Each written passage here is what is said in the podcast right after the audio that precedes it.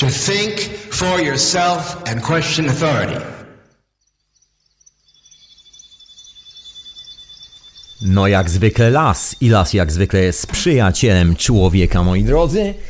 Zatem witam was serdecznie w kolejnym odcinku podcastu, audycji mojej zwyczajnej gadki, czyli w hiperprzestrzeni w radionafali.com. Audycja jest też retransmitowana w radiu Paranormalium. Pozdrawiam wszystkich obecnych na czacie Radia na Fali, no i przede wszystkim mecenasko i mecenasie. Pozdrawiam cię serdecznie. I ty słuchaczu offline, i ty słuchaczko offline, ciebie też pozdrawiam i ciebie będącego tutaj obecnym duchem i ciałem też pozdrawiam bardzo serdecznie, także witam was wszystkich bardzo serdecznie. Słuchajcie mecenasi, za chwilę, bo jak zwykle mamy jakieś opóźnienia z książkami i tak dalej, i tak dalej. Ale już za chwilę książki, kolejna partia wyląduje u was. Tam Grzegorz za chwilę będzie ogarniał tą sprawę, ja tu jeszcze troszkę zwlekam i trochę opóźniam całą tą akcję, ale jest troszkę rzeczy do roboty przy radiu, takie można powiedzieć jesienne porządki. Ostatnie dwa dni praktycznie non-stop siedzenie i sprawdzanie, przeklikiwanie i w ogóle takie porządki po prostu zwyczajne. Jak to w życiu, troszeczkę zawsze pracy wymaga, prowadzenie każdego projektu, jak i tego. Ale tak czy siak jest już po tym, także jestem już spokojny, zrelaksowany, wypoczęty i gotowy żeby wam poopowiadać troszeczkę kilka historii, które mi siedzą w głowie, jak zwykle w sobotni wieczór w Radiu na Fali, siewie. Przypominam, że oczywiście jest to absolutnie live, tu teraz, w sobotę wieczorem. Jestem co prawda w Londynie, ale cuda współczesnej technologii o nazwie komunikacja internetowa działają. Także możecie śmiało złapać ze Skype'a. Skype do radia to radionafali.com, tak to się nazywa. Trzeba dodać do swoich przyjaciół, czy jakoś tak, na Skype'ie. Ja to muszę zaakceptować, jeżeli oczywiście jeszcze nie jesteście zaprzyjaźnieni z profilem Radia na Fali na Skype'ie. No i wtedy mogę Was śmiało odbierać, nawet na konferencjach. O czym tu już chyba nawet czasami wspomniałem. Ale mniejsza o te techniczne sprawy. Co jeszcze? Dzięki za maile, dzięki za komentarze pod y, audycjami. Sprawa Ormusu wywołała jakąś nieziemską sensację. A nie wiem, to chyba strasznie modne w Polsce jest. Ja przepraszam, bo ja mieszkam w Londynie i jestem troszkę nie na bieżąco z gwiazdami polskich, polskiej sceny niezależnej, można tak powiedzieć w cudzysłowie. Także nic na ten temat mi nie wiadomo za bardzo, ale słyszałem, że popularne, jak widzę w komentarzach się dzieje. Ja pewnie będę chciał coś o tym powiedzieć, może niekoniecznie dzisiaj, niekoniecznie teraz, ale szykuje się taka ciekawa akcja i zanim zacznę w ogóle opowiadać to wszystko, to może tak, w ogóle opowiem o czym dzisiaj chcę wam opowiedzieć. Na sam początek, bo jeszcze mam jedno ogłoszenie, takie specjalne dla wszystkich miłośników pewnej substancji, a właściwie pewnych substancji, a to za sekundę. Na razie, co ja chciałem powiedzieć? Co ja chciałem powiedzieć? O czym jest ta audycja? No więc dzisiejszy podcast, dzisiejsze gadka, dzisiejsze historie i to, co mi siedzi w głowie, cała ta refleksja jest o iluminacji, o oświeceniu, o tym, co ja właściwie o tym wszystkim myślę. To jest takie popularne, modne hasło, jak i wytrych i też jest doskonały moment, bo ja swego czasu mówiłem, 4 lata temu w Radiu na Fali mówiłem o trzech dniach ciemności. ciemności. NASA właśnie wyrzuciła news, że to nie będą 3 dni, ale więcej, jakieś 6, może nawet 15. Ale do tego przejdę może nawet później, no nawet nie tyle nawet. Co ja taki nawet jestem? Może powinien być bardziej taki nawet, albo taki i nawet. Okej. Okay. Zostawmy te lap lapsusy językowe języka polskiego. Także dzisiaj dokładnie o tym, co w ogóle uważam za iluminację. Jeżeli macie jakieś przemyślenia swoje własne na temat, czym dla Was jest iluminacja, czym dla Was jest to wydarzenie zwane oświeceniem i co w ogóle myślicie o tym zjawisku, bo dzisiaj jest taka, można powiedzieć, fala ludzi, która uderza, mówiąc nam o świeceniu, próbując sprzedać nam jakieś historie za kasę jak najczęściej, mówiąc, że jeżeli zaczniemy partycypować w wydawaniu kasy na tego typu rzeczy, zaczniemy się szkolić, czego się od nich uczyć i tak dalej, i tak dalej, to nas oświeci. Ja nie wiem, co nas oświeci, może grom z jasnego nieba, I don't know. Jak tu często powtarzam się, nie nadaję do takich rzeczy, mam swoją własną refleksję na temat właśnie owej iluminacji, owego ośmiecenia.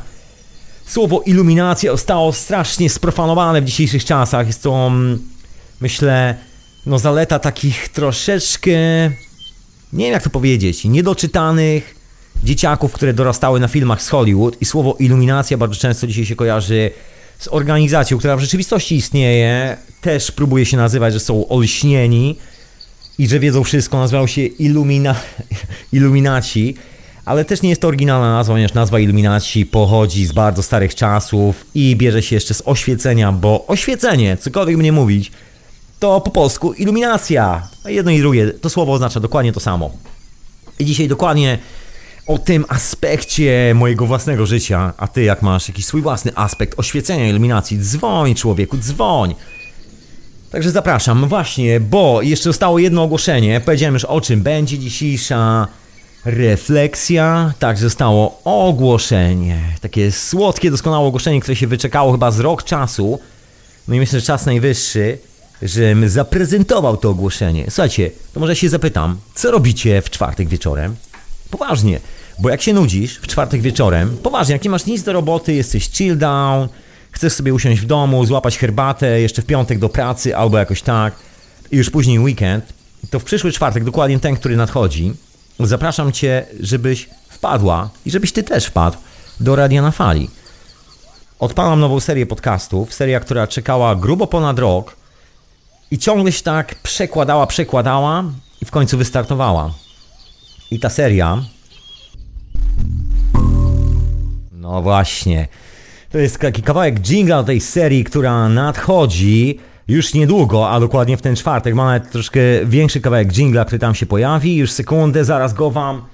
Zaraz go wam puszczę. Tylko gdzie on jest? Gdzie to wszystko jest? Słuchajcie, ja to ogarnę i znajdę. Tak czy siak nie ominie was ta cała frajda i usłyszycie wszystkie te historie, które się już ten czwartek pojawią w radiu na fali, a dokładnie nowy serial podcastów o nazwie Substancja. I tyle. Myślę, że zacznie się o godzinie 21.30, tak samo jak wieczorowa pora. Rzuć jeszcze okiem na Facebooka przed tym czwartkiem, zobacz czy przypadkiem coś się nie zmieniło, czy ja tego nie przesunąłem gdzieś na jakąś inną godzinę albo coś w tym stylu. Mogłoby się tak wydarzyć. Może pół godziny do przodu, może pół godziny do tyłu, także zapraszam, żebyście sobie sprawdzili. Tak, tak, sprawdź sobie to wszystko, człowieku. Sprawdź sobie. No jak sobie sprawdzisz, to w czwartek, jak nie masz nic do roboty, siedzisz w domu, się relaksujesz, czekasz na ostatni dzień tygodnia, żeby zamknąć wszystkie sprawy z robotą i takimi sprawami egzystencjalnymi, no to zapraszam bardzo serdecznie do Radia na Fali.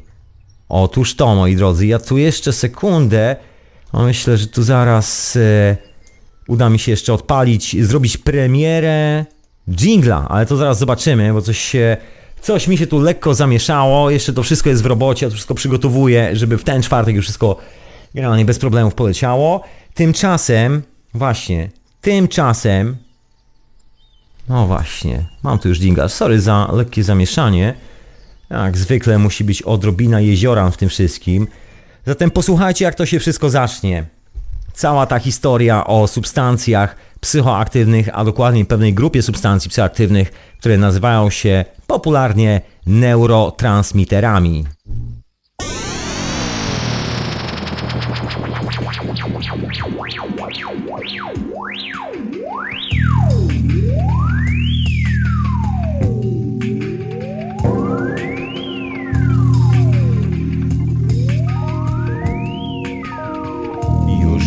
Czwartek. W każdy czwartek.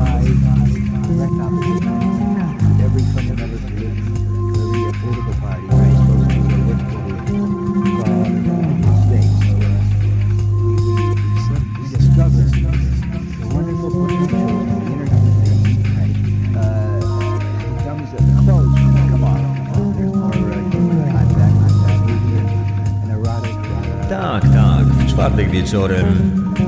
Czas na substancje.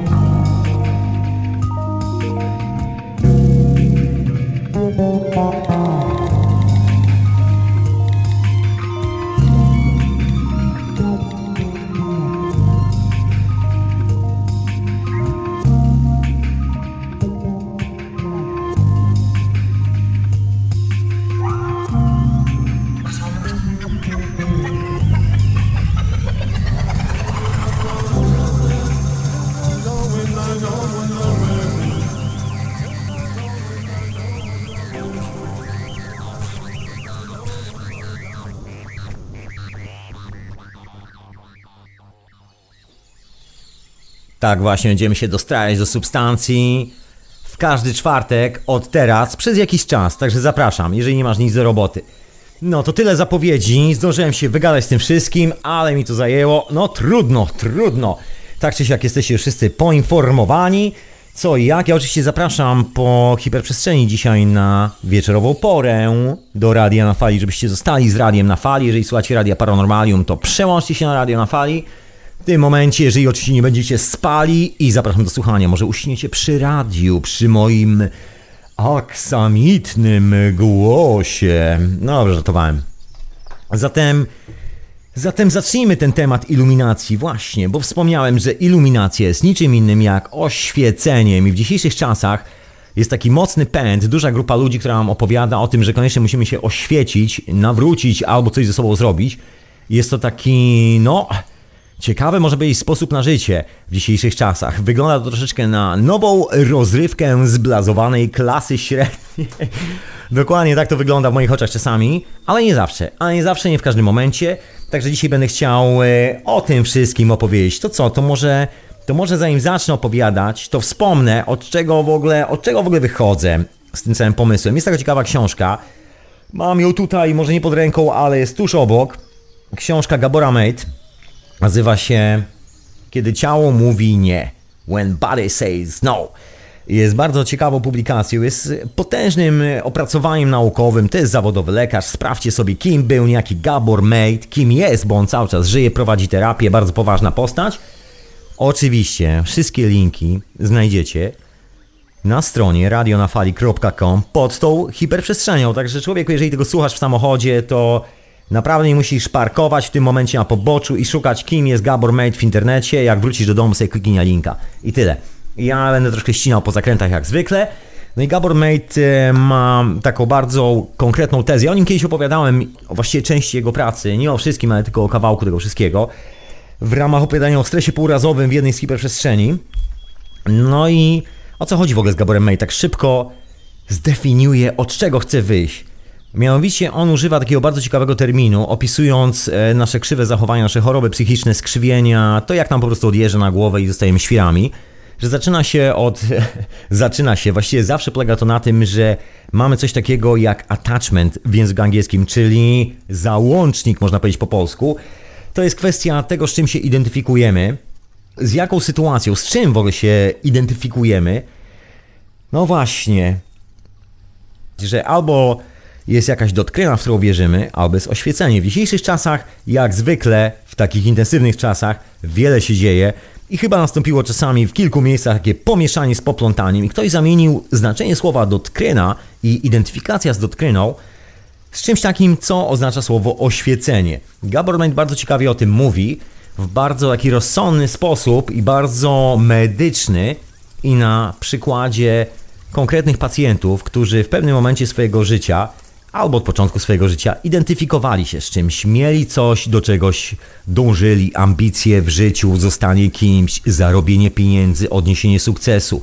Znaczy, chodzi po prostu o to, że ludzie bardzo często czują się, czujemy się po prostu, tak już mamy, szczególnie w tej cywilizacji, niedowartościowani.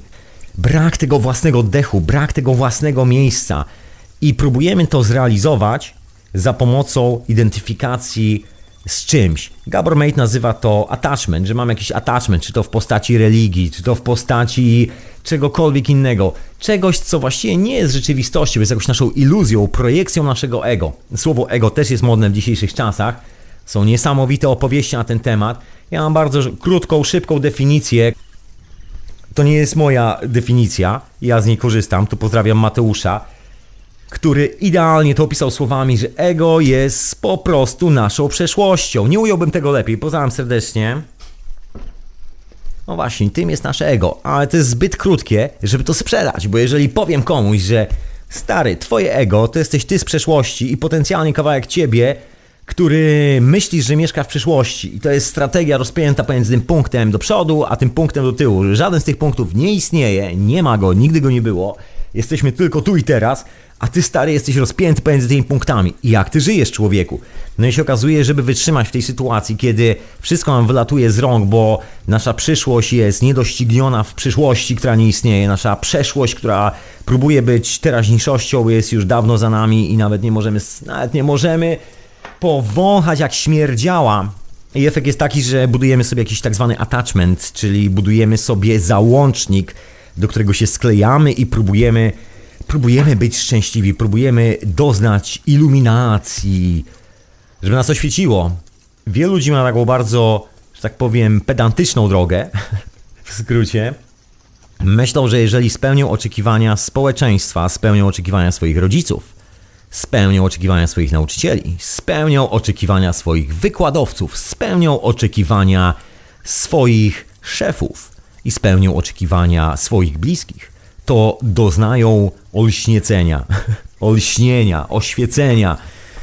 No właśnie, efekt jest taki, że kończą hmm, z chorobą psychiczną albo strefem pourazowym i budują taką cywilizację, która jest dookoła.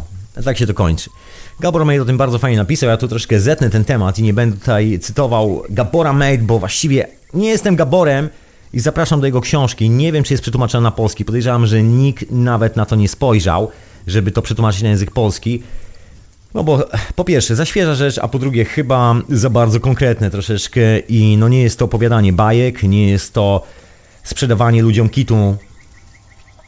Otóż to, no jest to taka rzeczywista historia, która się dzieje tu i teraz i sposób w jaki z nią pracować bez e, całej tej ściemy i wymyślania nam attachmentów. Bo z reguły jak się człowiek przyjrzy, przynajmniej ja mam taką tendencję, że jak się przyglądam na niektóre takie historie, czyli na ludzi, którzy obiecują mi zbawienie, to jedyne co ci ludzie są w stanie mi obiecać, to to, żebym przykleił się do czegoś, do jakiejś idei, jakiś attachment, żebym, żebym jakiś załącznik dołączył do swojego życia. Wilhelm Reich nazywał to zbroją, bo ten koncept nie jest nowy. Gabor Mate nie jest pierwszym człowiekiem, który wpadł na ten pomysł, ale świetnie go opracował, to jest inna sprawa. Także oddaję mu cześć i honor Chyba, że genialna książka, genialna praca naukowa, potężny dorobek, tysiące wyleczonych ludzi z raka, z potężnych nałogów, z depresji samobójczych itd., tak itd. Tak Także oddaję mu cześć w całości. Ale takim gentlemanem, który o tym wcześniej wspomniał, był nie kto inny jak Wilhelm Reich. I jeszcze przed nim, jeszcze parę chwil przed nim, był nie kto inny jak Karl Gustav Jung, który mówił podobne rzeczy. Chociaż nie do końca, bo Karl był, y, czyli Karol po naszemu, mówmy tak normalnie, Karol był troszkę zahukany, można powiedzieć, dosyć mocno zahukany. Miał tyle załączników w swoim życiu, że jak był stary, to zaczął budować taką wieżę, żeby się z tych załączników wytrzepać. I każdy z tych załączników, który mu się tam manifestował, wykuwał w kamyku jako jakiś symbol albo coś tam i umieszczał go w tej swojej kamiennej wieży. Wieża jest do obejrzenia nad Jeziorem Genewskim w Szwajcarii. Jest to taka prywatna posesja, ale można zwiedzać. To jest wieża wbudowana przez Karla Gustawa Junga pod koniec swojego życia postanowił, że coś zrobi konkretnego i wybuduje wieżę ze swoich lęków i wszystkich frustracji i je nazwie po imieniu. Ale to już na starość. Także jak widać, załączników ten gentleman miał przy sobie więcej niż chyba ja włosów na głowie. No ale tak czy siak, dzięki niemu się to troszeczkę sformalizowało i powstała zgraja ludzi, która twierdzi, że jest w stanie wyleczyć innych, czyli banda psychologów.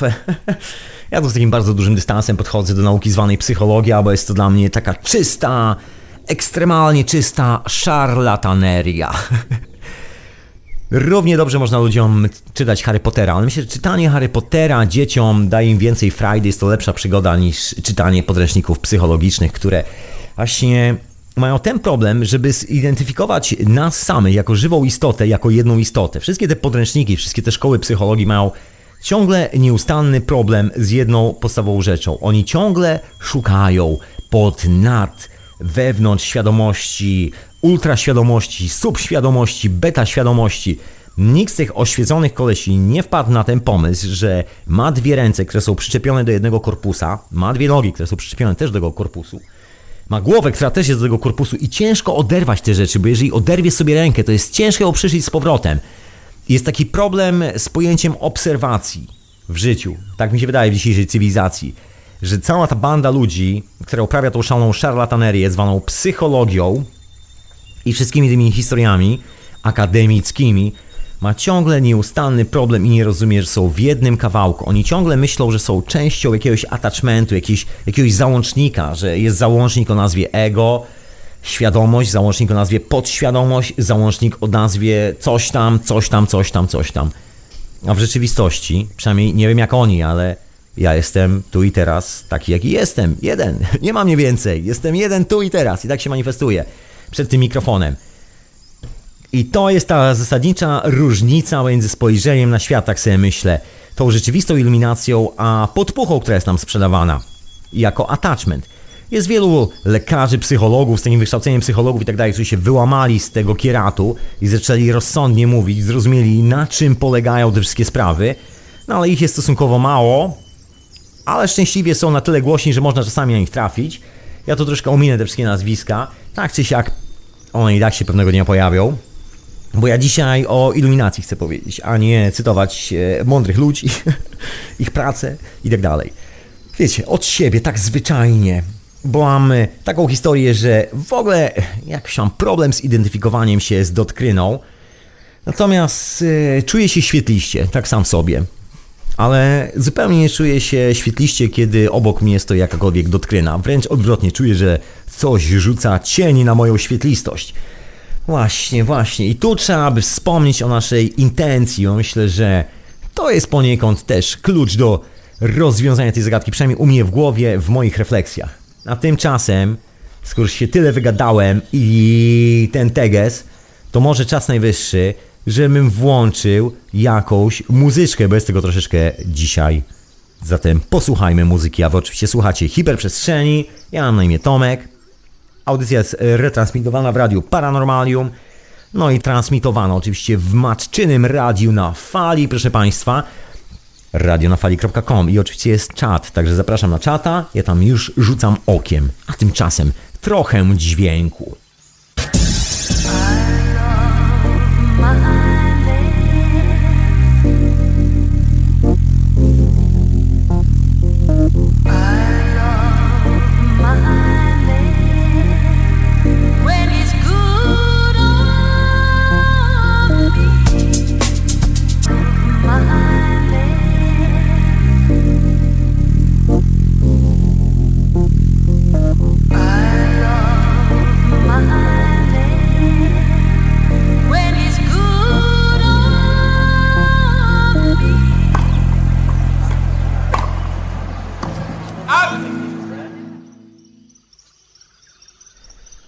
Tak, tak, hiperprzestrzeń, radionafali.com. Ja mam na imię Tomek, jeżeli chcecie zadzwonić to radionafali.com. Teraz, tu i teraz, w tym momencie live.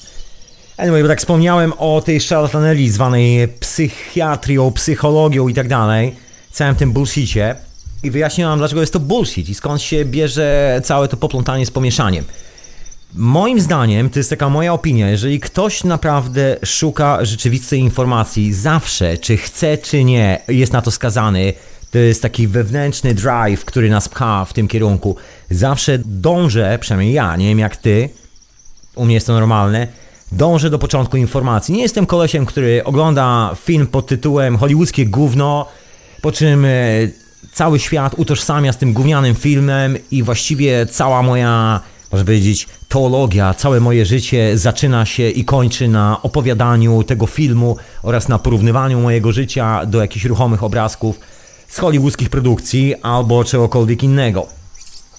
No więc termin, właśnie ten termin podświadomość, bo to jest największy bullshit, który jest nam sprzedawany i ego. Skąd się w ogóle to wzięło? Może zacznę od ego, bo ego w tym e, terminie, który jest używany dookoła, wziął się nie tak dawno temu, raptem niecałe 200 lat temu, ale może zanim jeszcze sekundę to jeszcze jedną rzecz wam powiem, o co chodzi z tym całym zamieszaniem. Hmm, jakby to nazwać, w takim bardzo wielkim skrócie, żeby tutaj nie bić godzinami piany na ten prosty i jakże łatwy temat. No właśnie, łatwy.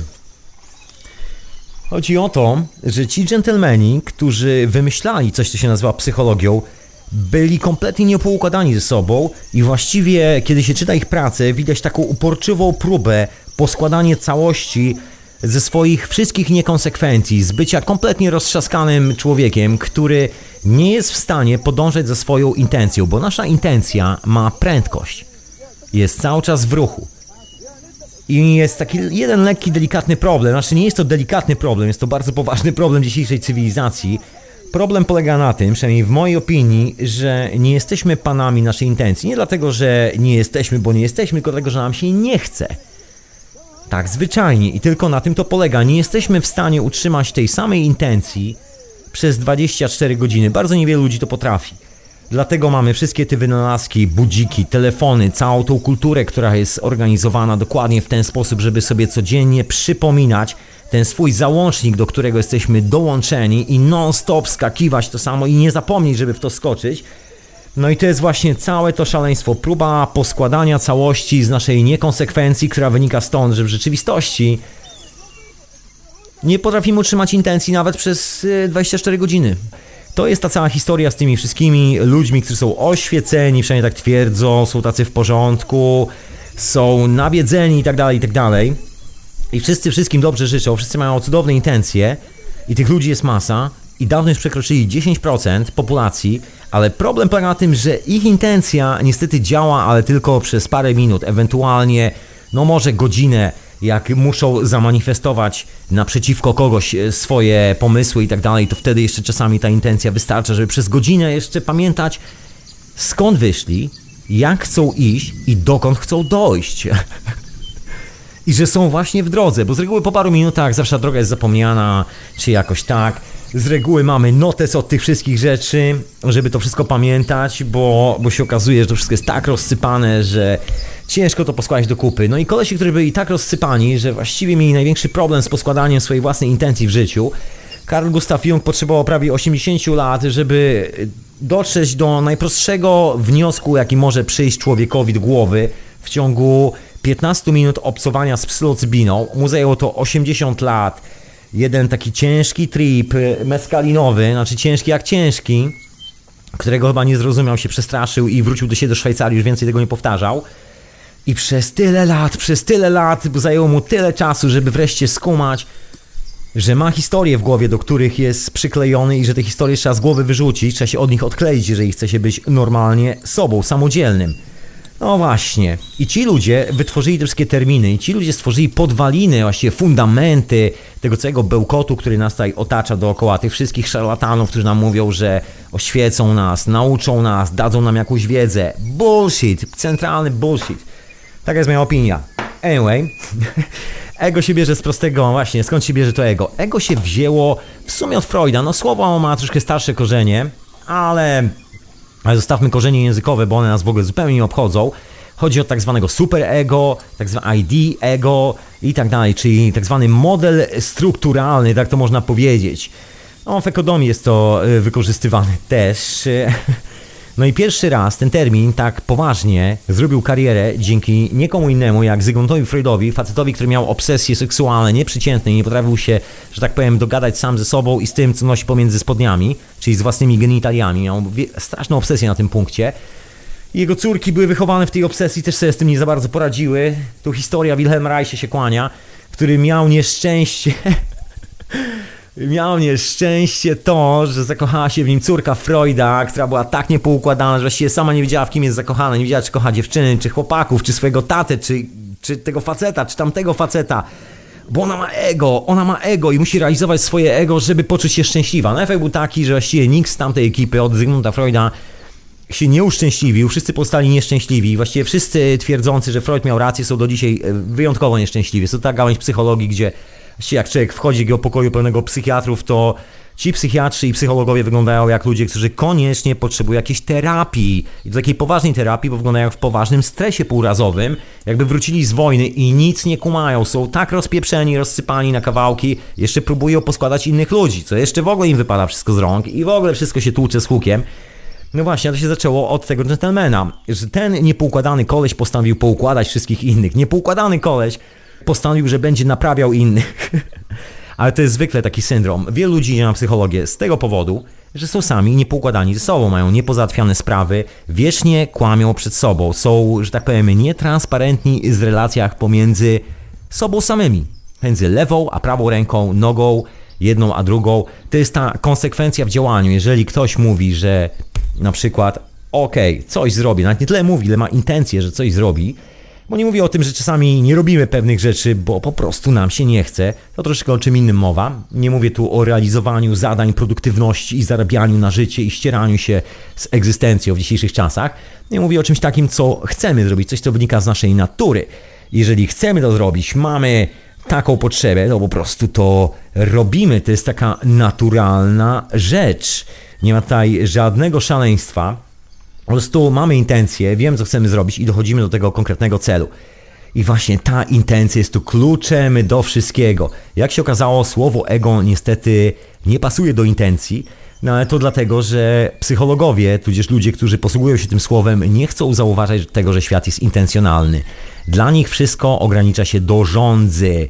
Jeżeli ich intencje ukradł jakiś obrazek, no tak jak w przypadku Zygmunta Freuda, była to przypuśćmy roznegliżowana, piękna niewiasta w bardzo kuszącej pozie, no to po prostu nie mógł wytrzymać i musiał się zacząć drapać po kroczu. No taki już koleś. Ale oczywiście wszystkim mówił, że że, że on wie, jak doprowadzić do szczęścia. Ale prawda jest taka, że od tego drapania się po kroczu chłopak nie za bardzo był szczęśliwy, właściwie nigdy nie był szczęśliwy. Tak jak cała reszta, która przyszła po nim. To jest ta historia z ego. No i okazało się, że grupa nieszczęśliwych ludzi postanowiła tworzyć różne warianty słowa ego, lokacje, tłumaczyć czym jest ego. W ogóle z ego jest taka zabawna sprawa, bo oczywiście Freud się pomylił we własnych książkach i Właściwie raz używał terminu, który się nazywa superego, a raz y, terminu, który się nazywa ID. Generalnie wszystko zostało kompletnie pomieszane nawet przez niego samego w jego oryginalnej książce, gdzie potrafił być tak niekonsekwentny, jego intencja znikała dosłownie w ciągu jednej strony książki. Na jednej stronie jest o tym, że jest ego, jest opis ego, a na drugiej już jest posługiwanie się ego w kategorii superego. Facet nie potrafił utrzymać własnej intencji w gaciach przez 15 minut i to była cała jego mądrość. No, tak to bywa, proszę Państwa, tak to bywa. Stąd się wzięło właśnie słowo ego. No i później pojawił się termin pod tytułem podświadomość. Tak samo głupi termin, który właściwie był związany ze szkołą, no, można powiedzieć, no nie do końca Freuda, ale właśnie takie hmm, histeryczne sprawy, też związane z hipnozą oczywiście. A mianowicie gentlemanem, który to wymyślił, był niejaki Pierre Janet. I on wymyślił słowo podświadomość, bo też nie kumał za bardzo, że jest sklejony z tej całej materii, z której jest cały kosmos, że nie ma czegoś jak świadomość, po prostu jesteśmy tu i teraz, a świadomość to jest taki termin, żeby się, że tak powiem, e, załączyć do czegoś, bo też był chyba mocno roztrzaskany. I zresztą też często mylony jest ten termin świadomość z pojęciem tak zwanej przedświadomości, o czym jest nawet w Wikipedii. Freud też miał z tym nieustanne problemy, też, e, też ten problem z intencją, która ciągle znika. No właśnie, tego samego terminu też podświadomość używał Carl Gustav Jung, który dopiero w wieku lat 80 zrozumiał, że właściwie życie polega na tym, żeby był fan i że było ok. Tam, e, no długo zajęło to ludzi, długo, długo, bardzo długo. No i powstały właśnie takie terminy jak nieświadomość indywidualna, jak indywidualizm, podświadomość, nadświadomość, wszystkie te bełkotliwe słowa, które właściwie oznaczają tyle co nic. Znaczy, bez przesady, dzięki sprawnemu wykorzystywaniu tych słów w miarę logiczny sposób i elokwentny, zgodnie z ich definicją, przez parę lat możecie się dorobić kartki papieru, z takim czerwonym paskiem z napisem dyplom uniwersytetu i będziecie mieli przed nazwiskiem jakiś e, taki skrót literowy, który będzie oznaczał, że możecie się dołączyć, możecie się identyfikować. Już nie musicie się identyfikować ze sobą, jeżeli macie kompleks, że jesteście zbyt słabi, zbyt miałcy, niewielcy albo coś w tym stylu, dzięki temu możesz się, mój drogi słuchaczu i droga słuchaczko, identyfikować z dyplomem, za którym stoi tysiąc ludzi, historia, która jest dłuższa niż nasza historia, no właśnie. Tylko gdzie jesteśmy my w tym wszystkim? Gdzie jest cała ta iluminacja? Gdzie jest radość życia, która jest nieustannie cały czas razem z nami i tylko czeka, żeśmy pozwolili jej spokojnie ekstrapolować. Po prostu wyjść na zewnątrz i cieszyć się tym wszystkim. Otóż to, właśnie. Właśnie to jest to słynne powiedzonko o łapaniu królika, że nie chodzi o to, żeby złapać królika, tylko o to, żeby łapać królika. I to jest chyba taki piękny ślad, takie idealne świadectwo, jak popaprana jest ta cywilizacja. Skoro wszyscy się łapią na takie powiedzonka i wszyscy naprawdę myślą, że, no może nie wszyscy szczęśliwie, ja należę do tych nie wszystkich, myślę, że ty też szczęśliwie należysz do tych nie wszystkich, albo kto to wie. No jest takie powiedzonko o tym, że chodzi o łapanie królika, a nie złapanie. To jest taka głupota permanentna, Ślepota, tak bym to nazwał. Bo jaka jest intencja, kiedy wszystko polega na łapaniu nieustannym królika? Po co właściwie łapiemy królika? Dlaczego chcemy złapać królika? Jaki jest sens, że mamy królika już złapanego? Co zrobimy z złapanym królikiem? To są te pytania intencjonalne. Jaka jest ta cholerna intencja, która stoi za tym łapaniem cholernego królika? Przecież nie będziemy biegać z tym cholernym królikiem przez całe życie, no chyba, że ktoś jest debilem, idiotą i koniecznie musi się uganiać po polu za królikiem. Nie wiem, może czuje się królikiem, niektórzy być może czują siebie wiórką, niektórzy może czują się kimś innym. Znam takich, którzy czują się y, swoimi zawodami, czują się nauczycielami, czują się aktorami, architektami i tak dalej. Nie usłyszycie od tych ludzi, że czują się ludźmi. jest dokładnie sama historia. O co tu chodzi? No jak to o co chodzi? O strach przed spełnieniem, przed tym, że kiedy przytrzymamy naszą świadomość troszeczkę dłużej, nie będziemy takimi, że tak powiem, matołkami, którym ta świadomość wiecznie ucieka i wypada z pomiędzy palców, to się nagle okaże, że shit, musimy sobie zadać pytanie, po jaką cholerę gonimy za tym pieprzonym królikiem? Przez co, będziemy go obdzierać ze skóry, czy co? Co my zrobimy z tym królikiem? Skoro i tak mamy pełną lodówkę w domu. Prosta sprawa, prawda? No obawiam się, że nasza intencja tutaj jest w rzeczywistości że tak powiem, gówno warta, jeżeli traktujemy życie w ten sposób, wiecznie zauganianie się na czymś, zauganianie. Moim zdaniem nie o to chodzi. Do ciebie mówię, człowieku, nie o to mi chodzi w życiu. Nie wiem o co tobie chodzi, nie chcę brać odpowiedzialności za twoje całe życie, ale moim zdaniem cała ta ściema z łapaniem królika, że życie polega na gonieniu królika, to jest jakiś bełkot, jakiś bełkot kolesia, który nie potrafi zapamiętać, co tak naprawdę chce zrobić ze swoim życiem w przeciągu najbliższych 15 minut. Także ktoś mu zamacham zdjęciem z dziewczyną, która ma gołą pupę i widać sutki. I nagle, I nagle cała intencja znika. Dziewczynie się pokaże jakąś torebkę, taką z odległości jak się zamacha. Jak marchewką na kiju. Taką luksusową torebkę z dużym, błyszczącym logiem. A jak jeszcze ktoś zamacha takim sportowym samochodem, apartamentem i obietnicą do ostatniego życia, przed telewizorem i oglądaniem gównianych seriali w e, poczuciu spełnionego obowiązku w życiu. Któż mógłby się oprzeć przed taką pokusą, żeby nie zacząć gonić za tym królikiem, który jest głównowarty, właściwie i tak go nigdy nie dogonimy. No właśnie. To jest ta dotkryna strachu, dotkryna strachu, która stoi w kompletnej kontrze naprzeciwko wiedzy, bo wiedza jest ową intencją, niczym innym. Jeżeli gonisz za królikiem, poważnie do ciebie mówię, jeżeli uważasz, że gonisz za królikiem, że to jest sens twojego życia, człowieku, weź usiąść na moment na swoim własnym dubsku, na tym krześle, jeżeli siedzisz to bardzo dobrze i zastanów się, po jaką cholerę chcesz złapać tego królika. Czego ty chcesz się nauczyć od tego królika? Chcesz się nauczyć obierać królika ze skóry? Chcesz się nauczyć gotować potrawkę z królika? Jest doskonała, bardzo lubiłem, kiedy jadłem mięso. Ale wcale nie uważam, że trzeba biegać za królikiem. otóż to, otóż to to jest ta dotkryna strachu, że jeżeli nie zrealizujemy czegoś, czym e, ktoś nam zamacha przed oczami, nie, nie popędzimy w tym kierunku, w którym wszyscy biegną bez tej intencji, ze zgubioną refleksją, wszyscy ci e, zagubieni, to gdzieś stracimy siebie. A wiedzą jest informacja pod tytułem po jaką cholerę chcesz żreć tego królika. Jeżeli nie chcesz go żreć, nie chcesz go łapać, nie chcesz za nim biec, po co ci ten królik w życiu? To jest ta wiedza. Jeżeli się dowiesz, po co ci ten królik w życiu, to wtedy zrozumiesz, że nie chodzi o bieganie za królikiem i nieustanną próbę złapania tego królika.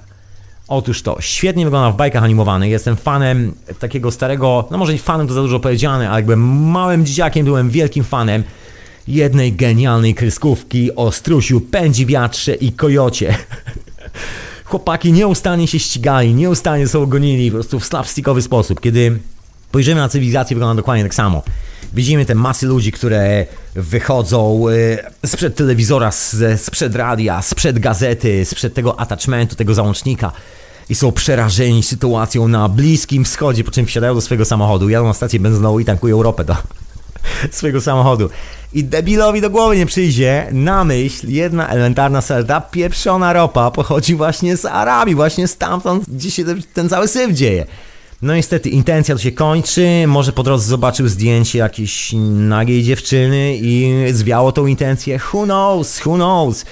Ludzkie życie, właściwie ludzka intencja jest tak krucha w dzisiejszych czasach, szczególnie u establishmentu, który próbuje się oświecić, że gra nie za dużo jest głównowarta, bo efekt jest taki, że koniec końców ci wszyscy mądrzy ludzie z tą intencją, iluminacją, z tymi pytaniami o ego, życie i jego sens, podjeżdżają na stację benzynową, tankują benzynę i dzięki temu ktoś może kupić karabin, przeładować ten karabin i rozjechać kilku cywili po to, żeby cena ropy dalej była na odpowiednim poziomie, albo cena diamentów, cena złota, cena czegokolwiek, co jest tam wykopywane w tych miejscach, w których mieszkają ludzie, których ta cywilizacja popularnie nazywa brudasami.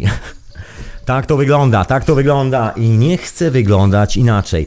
To jest właśnie ta dotkryna strachu. No my się boimy i w sensie nie dziwię, że wielu, wielu z nas, no może nie ty, może nie ja, ale myślę, że zauważyłeś i zauważyłaś to nieraz, że wielu z nas się kompletnie boi tej refleksji, bo kiedy nagle staną w miejscu i zaczną myśleć, po jaką cholerę oni łapią tego królika, to dotrze do nich wiedza.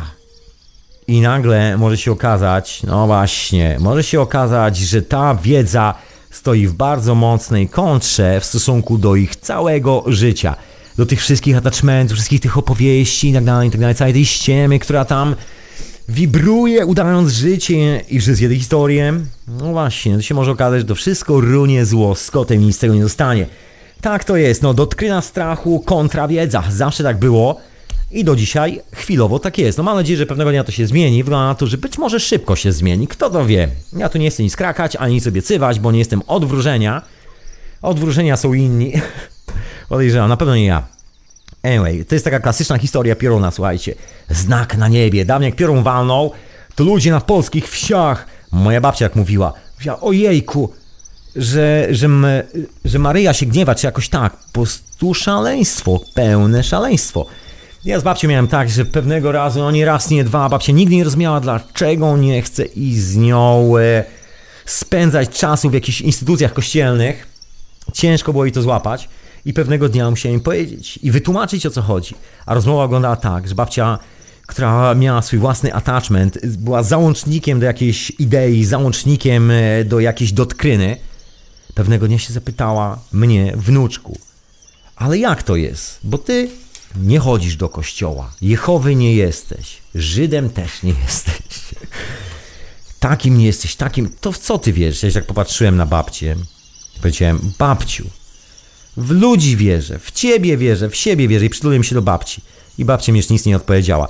Inna sprawa, że moja babcia, no niestety nie była w stanie utrzymać swojej intencji przez dłużej niż 15 minut, jak podejrzewam większość e, populacji. I niestety następnego dnia po tej rozmowie od razu pobiegła realizować e, swoją dotkrynę, identyfikację z dotkryną w jakiejś instytucji. No bywam. No ja tego nigdy nie zrobiłem. Jakoś tak szybko wyrosłem z tego szaleństwa. Ach, wiecie, takie życiowe doświadczenia, że generalnie jakoś tak nie po drodze mi z tą dotkryną strachu. Wolę podążać w kierunku wiedzy, wolę podrążyć troszeczkę temat, skąd się biorą rzeczy, bo dawniej, zanim panowały terminy ego, świadomość, nadświadomość, e, punkt, dwupunkt, trzystu punkt, wszystkie te bełkotliwe historie, była jedna prosta informacja i ta informacja została nam po naszych przodkach, po naszej starszyźnie jest bardzo prosta. Jesteśmy żywą istotą, jedną żywą istotą, jednością z całym kosmosem. Jesteśmy jedni w samym sobie, jesteśmy kosmosem jednocześnie. No właśnie, będąc w kosmosie, to my jesteśmy tym kosmosem. Otóż to, który jest na zewnątrz, jesteśmy częścią. Dobra, ale tu już chyba taki bełkot troszkę uprawiam. Kosmiczny bełkot o tym, jak wszyscy jesteśmy kosmicznym kosmosem. To może zanim przejdę do kolejnego punktu swoich wynurzeń i opowieści, to może jakaś muzyczka, proszę Państwa, w tym radiu na fali, w hiperprzestrzeni, w wieczorowej porze, w sobotni wieczór. Mam nadzieję, że jesteście rozentuzjazmowani, bo w sobotni wieczór. No to co? To jakaś muzyczka, która podniesie nam poziom entuzjazmu, troszkę element imprezy, sobotniego party, czy jakoś tak. Zatem posłuchajmy o człowieku, który miał intencje.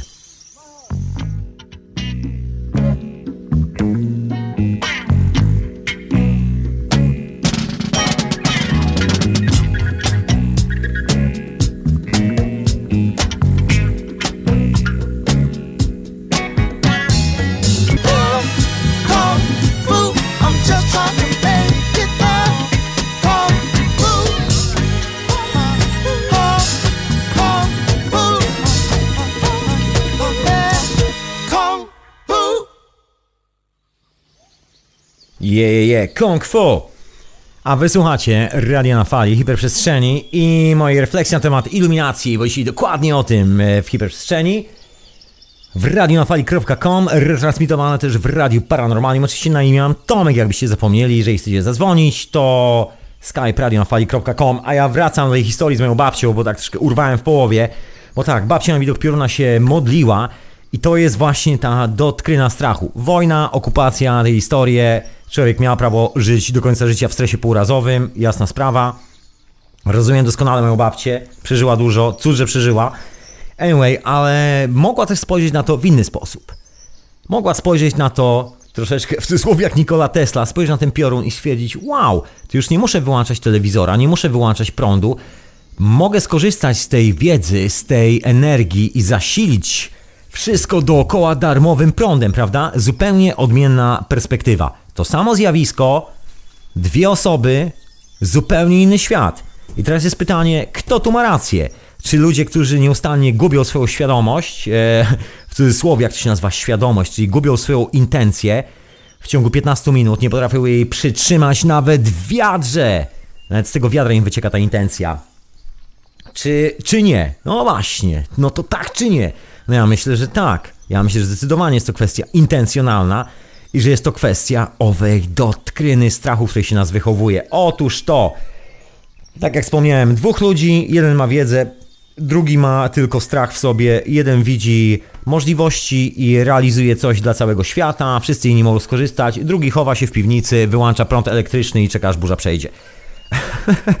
Prawie że, prawda? Prosta historia. I teraz pytanie, o co chodzi z tą iluminacją? No właśnie.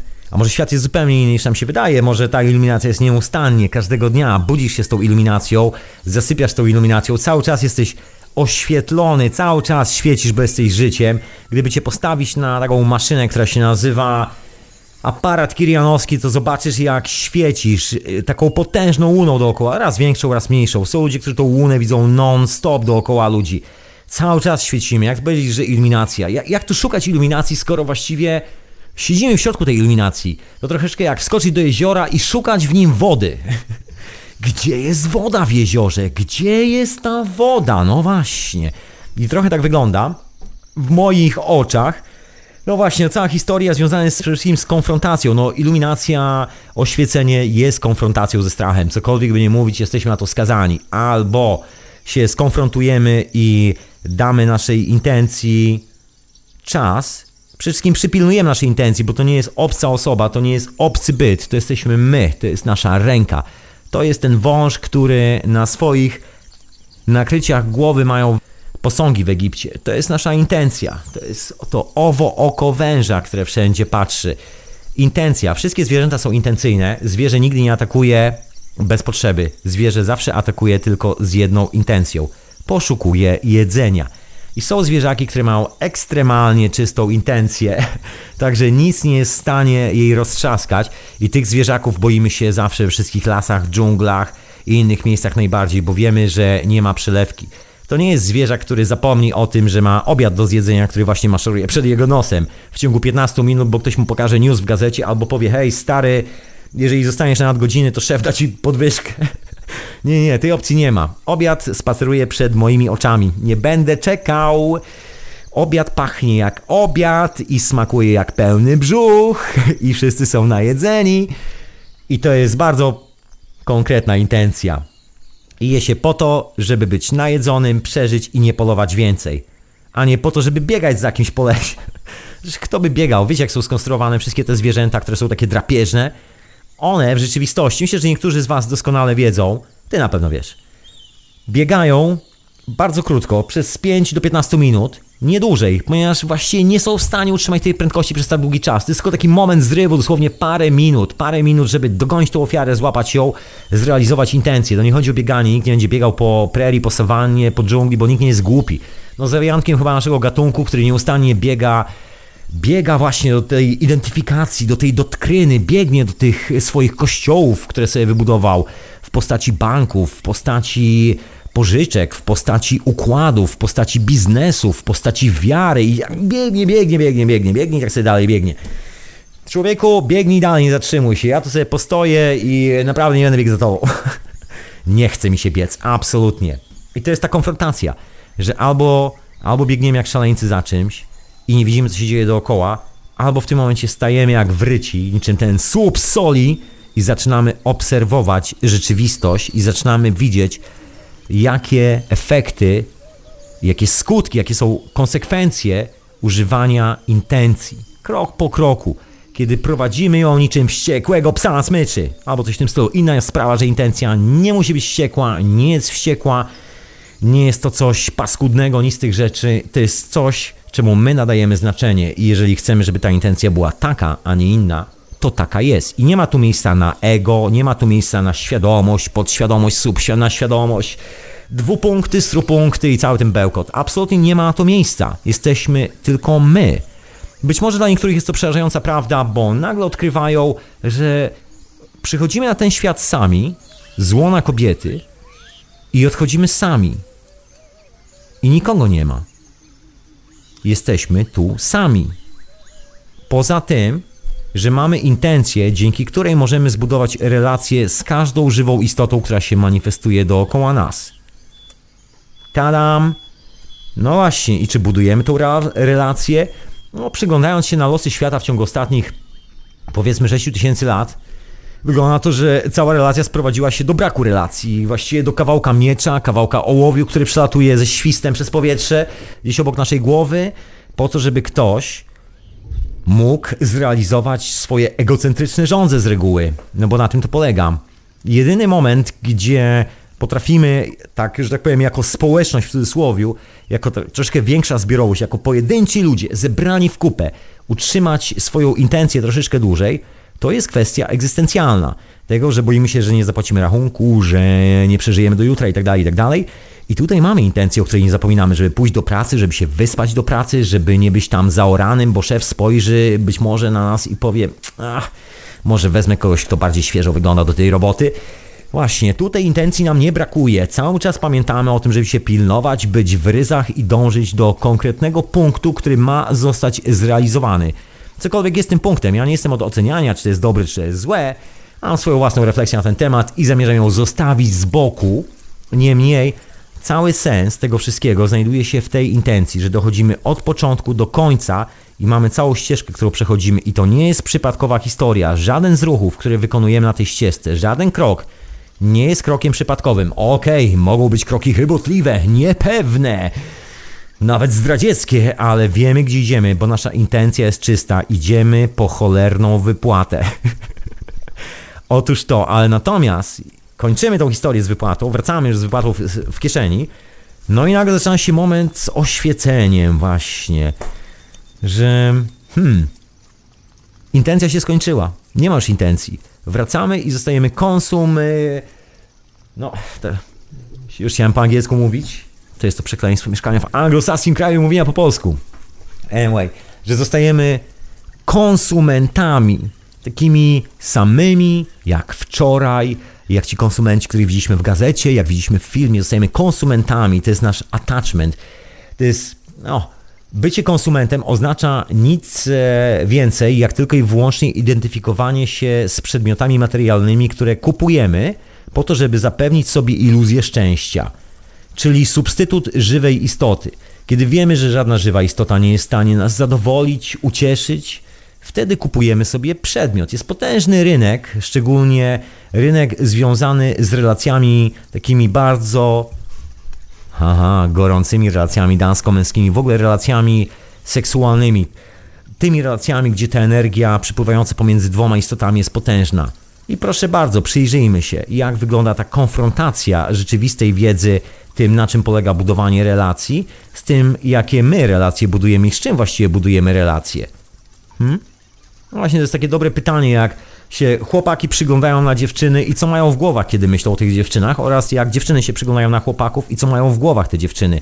Czym jest ta intencja? Czy ta intencja jest jakimś kolejnym, nie wiadomo czym, z, z serwisu, z gazety, jakimś czymś, co polega na dopasowaniu się do jakiegoś modelu, na robieniu jakiejś strategii, czy rzeczywistość dookoła nas odpowiada i pasuje do modelu, który jest tym modelem, z którym się chcemy skleić, bo ktoś na przykład ma taką wizję, że nie wyobraża sobie życia w inny sposób niż na przykład w sportowym samochodzie albo coś w tym stylu. Ostatnio taki fajny dowcip na YouTubie, jest e, zrobiony w Brazylii. Taki prankerska sprawa, czy jakoś tak, a nie prankerska, to taki eksperyment, taki bardzo ciekawy eksperyment że chłopak sobie stoi na ulicy, oparty o sportową, niezłą furę, taki kabriolet, wszystko się dzieje gdzieś na jakiejś ulicy w Rio de Janeiro. Stoi oparty o tą furę w krótkich spodenkach, coś tam sobie puka w telefon i idzie dziewczyna. I jak to zwykle na południu, hello, hello, co słychać? I od razu zagadał dziewczyny, dziewczyna spojrzała na niego, o, ładny chłopak. I oparty o taki samochód, no i zaczęła się rozmowa, zaczęła się konwersacja i tak dalej, i tak dalej. Zaczęła się konwersacja, konwersacja potoczyła się dalej, może na jakąś kawę, Dziewczyna, wow, jak się okazuje, chyba myślała, że fajny chłopak. No właśnie, zaraz się dowiemy, co myślała. Bo ona oczywiście zgodziła na tą kawę, że super rewelacja, bardzo chętnie. No i nagle chłopak tak obchodzi samochód i za tego samochodu wyprowadza rower. I nagle ta dziewczyna zaczyna na niego wrzeszczeć. Ty, taki owaki! Ja myślałam, że jest twój samochód, a nie, że jesteś takim biedakiem, który jeździ na rowerze. Bo to tak zabawna scenka. Widać było, jak ta dziewczyna wpadła w sidła swojej własnej gównianej intencji. Się braku intencji jakiejkolwiek, takiego attachmentu, że polowała, no, polowała na księcia z bajki. Cóż, y, brutalna prawda o życiu jest taka, że książęta już dawno zginęli na wyprawach krzyżowych albo umarli na syfilis. No właśnie. Taka stęka na co dzień. I kiedy przyjrzymy się na samych siebie, jak konstruujemy swoją własną rzeczywistość, gdzie podąża nasza uwaga, jako jakiejś społeczności, to zauważymy takie konkretne punkty, że kawał tego gówna na świecie, który się dzieje dookoła, nie dzieje się przez przypadek i nie jest to kwestia związana z organizacją o nazwie Illuminati i z tym całym biznesem i tak dalej. Nie, nie. Oni wysyłają nam zaproszenie. Ci ludzie mają swoje egocentryczne odpały pod tytułem, że muszą mieszkać w, mieszk- w takim domu, w którym nie mogą już policzyć ilości sypialni, bo muszą mieć więcej. Bo jak będą należeli do dużego starego budynku, się przykleją do niego, to może jakoś zniwelują swoje kompleksy z dzieciństwa, może coś ich drapie pomiędzy dwoma nogami. I don't know. Ciężko tutaj e, znaleźć jakieś rozwiązanie dla tych biedactw. No, muszą się męczyć, muszą mieszkać w tych potężnych budynkach i na tych potężnych włościach muszą mieć gigantyczną służbę, bo mieszkają już w taki sposób, że właściwie nie są w stanie posprzątać ze sobą. Przypomina mi się historia żony Marcosa, Emanuel Marcos. Biedna obrończyni uciśnionych kobiet podczas dyktatury swojego męża Marcosa.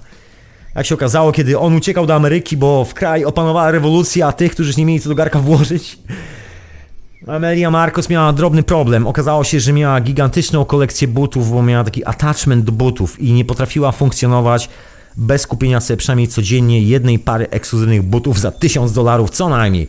Jak tam wjechali rewolucjoniści, się okazało, że pani Marcos ma gigantyczne apartamenty, które praktycznie w 80% składają się z ekskluzywnych damskich butów, które nawet chyba nigdy nie były zakładane na jej nogę. A po prostu kupowała, bo, bo musiała. No jest taki syndrom.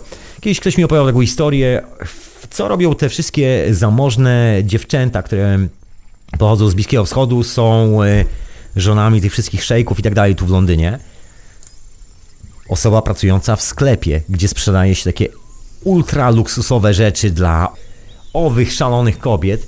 I one mają taki pomysł, że one się odkuwają na swoich mężach za to, że wyszły za nie za mąż tylko i wyłącznie dla kasy, kupując najdroższe produkty, jakie mogą kupić. To jest taki, taki rodzaj zemsty. Chcę mieć ten pierścionek. Nie, nie chcę. On chce mieć ten najdroższy. Nie, ten najdroższy chcę mieć. I chcę, żeby był jeszcze droższy. Jak Rosjanie, taki kompleks. Nieustanny kompleks, że jest się niedowartościowanym, że przedmiot buduje nas. No właśnie, a gdzie jest nasza intencja? Gdzież ona pobiegła? Gdzież to oświecenie? Mamy bardzo ciekawą sytuację, bo dokładnie dzisiaj jest ten dzień, w którym NASA oficjalnie opublikowała bardzo ciekawy news. Ta propos wiedzy, bo oczywiście część tej informacji o tym, że musimy kochać przedmioty, musimy wymyślać strategie i tak dalej, i tak musimy się trzymać historii, są jakieś zasady, jeszcze nie na się biblijne i tak dalej. No i nagle wycieka taki news, który jest czystą wiedzą. Teraz niektórzy mogą mieć problem, jak się, że tak powiem, pogodzić z tą wiedzą. A news brzmi tak, moi drodzy. NASA ujawniło oficjalne zdjęcia Marsa, takie dokładne, i na zdjęciu z Marsa zgadnijcie co widać. Stonehenge. I to nie jest dowcip, ten Stonehenge jest potężny, kamienny krąg. Widać potężny kamienny krąg, jest to oficjalny news NASA. Ja tak szczęśliwie, tak cwaniacko mam troszeczkę wcześniej.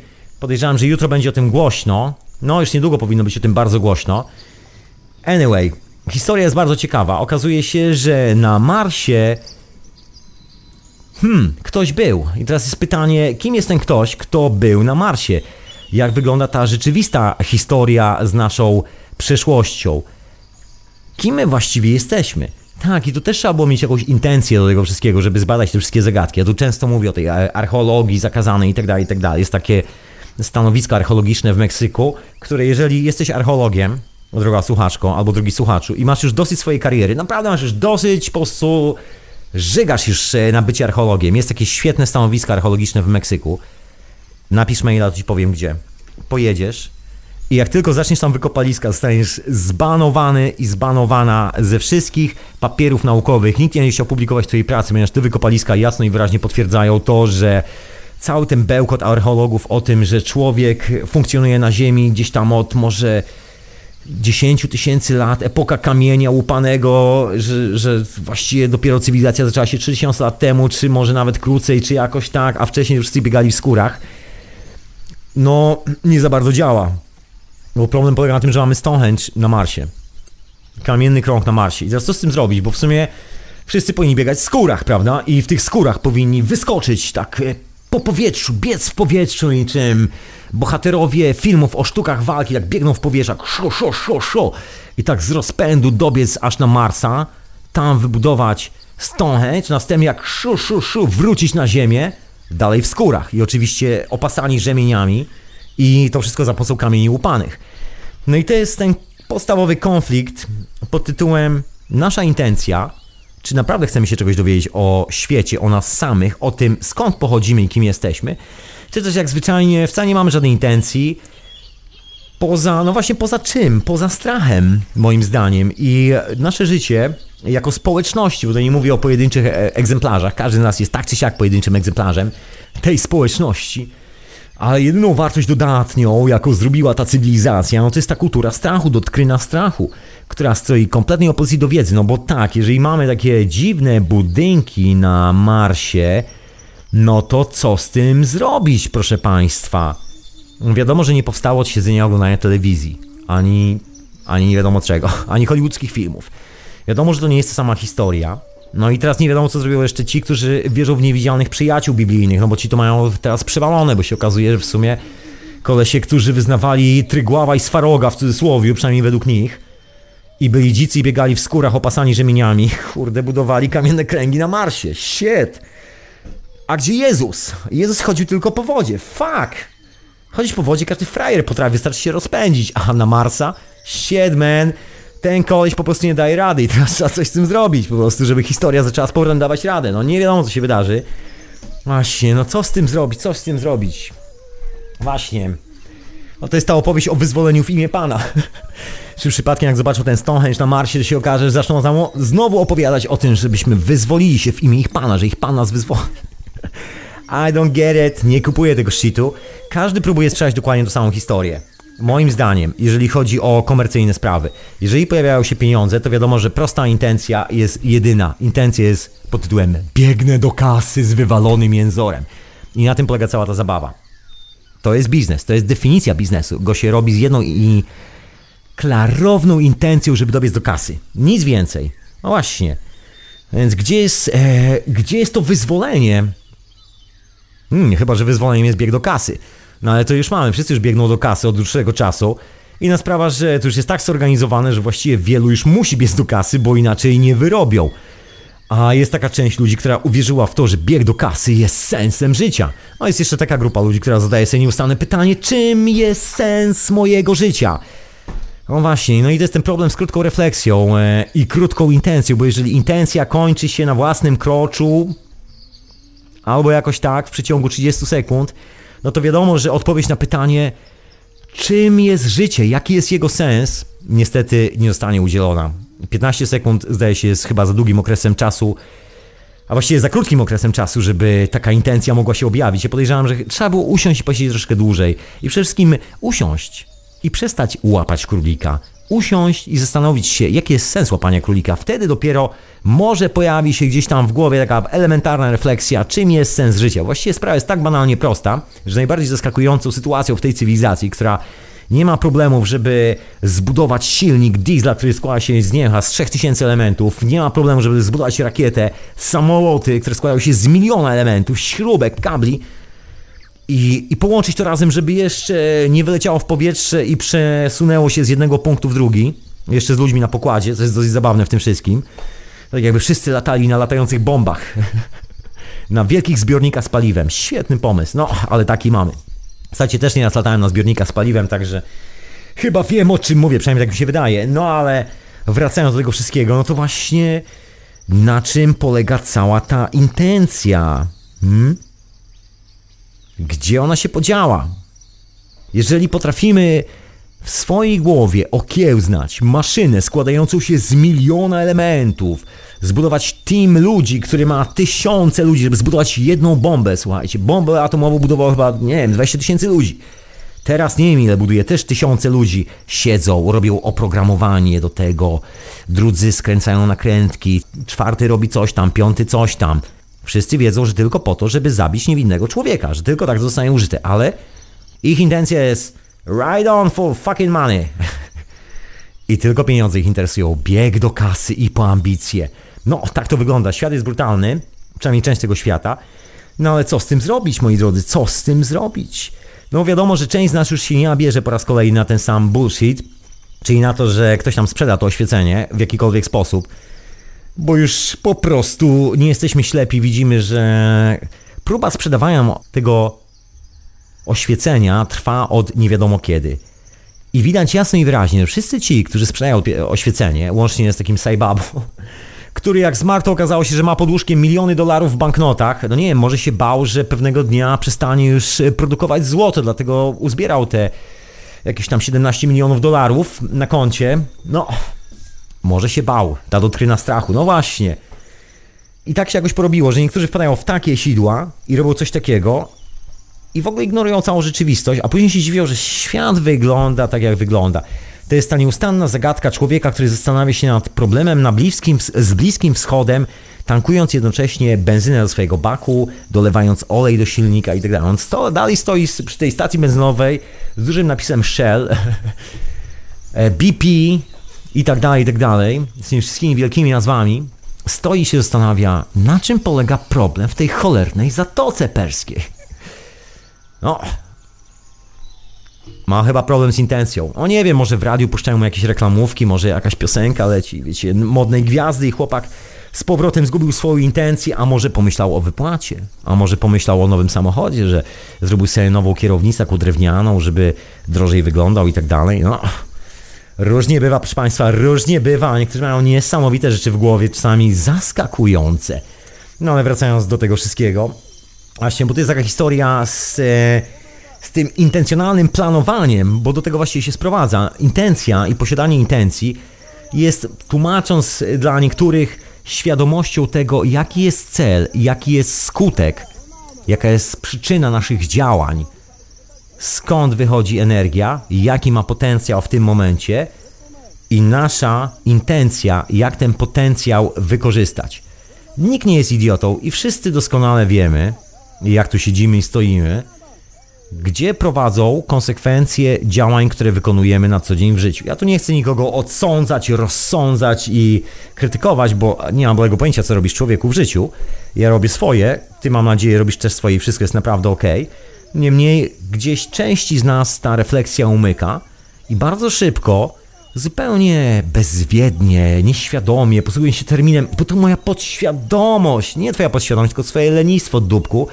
Po prostu chcesz zarabiać kasę, zmordowanie innych ludzi i masz swoją teologię, która pomaga ci, że tak powiem, okiełznać tą historię w głowie i wydaje ci się, że dostaniesz iluminacji, jak dostajesz wypłatę albo coś w tym stylu. No cóż, yy, może być tak, że będziesz smutny pewnego dnia i przyjdzie do refleksji i się zastanowisz, zaraz, dlaczego ja przez całe życie pracowałem po to, żeby zabijać ludzi? Czy to czy tak miał wyglądać świat? No bo generalnie to jest taki paradoks, że ludzie wykonują gigantyczną robotę, żeby stworzyć broń, która rozpieprzy cały świat. Gigantyczną, oczywiście udając, że pracują w warunkach pokojowych i że tak naprawdę to nie oni naciskają na przycisk. To nie ja, to nie ja, ja tylko wykonuję rozkazy. Klasyczny tekst wszystkich żołnierzy wielkich zbrodniczych armii. Jestem niewinny, ja wykonywałem tylko rozkazy. To nie ja naciskałem na przycisk, to... Otóż to, no właśnie. Taka historia. No i gdzie jest ta konsekwencja w tym wszystkim? Bo przecież gdybyśmy odpuścili to wszystko i przestali robić takie rzeczy, to nagle by się okazało, że świat wygląda zupełnie inaczej, ale efekt jest zupełnie inny. Robimy takie złe rzeczy jako społeczność, napuszczamy się na siebie, traktujemy się tak, jak się traktujemy, produkujemy produkty, które nas wykańczają. W nadziei, przynajmniej znakomita część z nas robi to w nadziei, że dzięki temu osiągnie większy, wyższy standard życia i będzie bardziej doceniana na przykład zawodowo. No może polega to na tym, że są kompleksy w życiu, i nikt nie ocenia tych ludzi za to, że żyją tak jak żyją, także muszą osiągnąć sukces w zawodzie, muszą zarobić dużo pieniędzy po to, żeby się dowartościować, ponieważ prawdopodobnie z wewnątrz zioni już taką pustką, że jakbym wrzucił kamień, to nigdy nie usłyszałbym dźwięku, jak odbija się od dna. Ja mógłbym czekać tysiące lat i nigdy bym nie usłyszał. Taką pustką wionie tam ze środka. I efekt jest taki, że kleją się, identyfikują z tym załącznikiem e, o nazwie praca. No i ta identyfikacja jest e, tłumaczona jako ok, ale ja się rozwijam, robię karierę, zarabiam pieniądze, przechodzę na wyższe szczeble elity i tak dalej, i tak dalej, a jak będę bogaty, to całe swoje bogactwo zużyję na dobroczynną działalność. No wielu już tak próbowało, Bill Gates nie jest jedyny, jak się okazuje ta dobroczynna działalność po tym jak się wysadzi pół świata właściwie sprowadza się tylko do... Mm, wymiany technologii produkcji nowych magazynków w nowych karabinach maszynowych. Taka wiecie, działalność dla pokoju. Dla pokoju spuszczamy bomby i dla pokoju skręcamy karabiny. To wszystko jest w imię pokoju i miłości na świecie. Dokładnie w tej, w tej intencji. Absolutnie. To wszystko w imię miłości, pokoju na świecie. Taka jest nasza szczera intencja. Tak mówią ci ludzie. No, w rzeczywistości chodzi o karierę, bo wiadomo, że kompleks militarny zbrojeniowy daje nieprzeciętne możliwości awansu i gigantyczną kasę. No taka jest prawda. Jak ktoś morduje ludzi, to zarabia gigantyczne pieniądze. Zresztą na tym polega ta zabawa. Trzeba gdzieś, że tak powiem, temu człowiekowi stworzyć warunki odparowania tego stresu, bo że jest zabójcą, jest mordercą, pośredniczy strukturze, która służy tylko i wyłącznie do eksterminacji niewinnych ludzi. Jest pracownikiem obozu koncentracyjnego, który służy do eksterminacji ludzi i to się nigdy nie zmieni. To, że nie naciska na spust, niczego nie zmienia. Dalej pracuje w tym obozie koncentracyjnym i produkuje te zwłoki. No może on nie, nie pociąga za spust na końcu, ale gdyby nie jego robota, to nikt tam za spust by nie pociągnął. No i koniec końców, ta cała historia musi zostać rozładowana. No, jedyna ro metoda rozładowania, taka współczesna metoda, czyli wymyślić człowiekowi attachment, czyli to, do czego będzie mógł się, że tak powiem, podłączyć, załączyć, dać mu jakąś dotkrynę, z którą będzie się mógł identyfikować. I najlepszą, najbardziej uniwersalną dotkryną są pieniądze.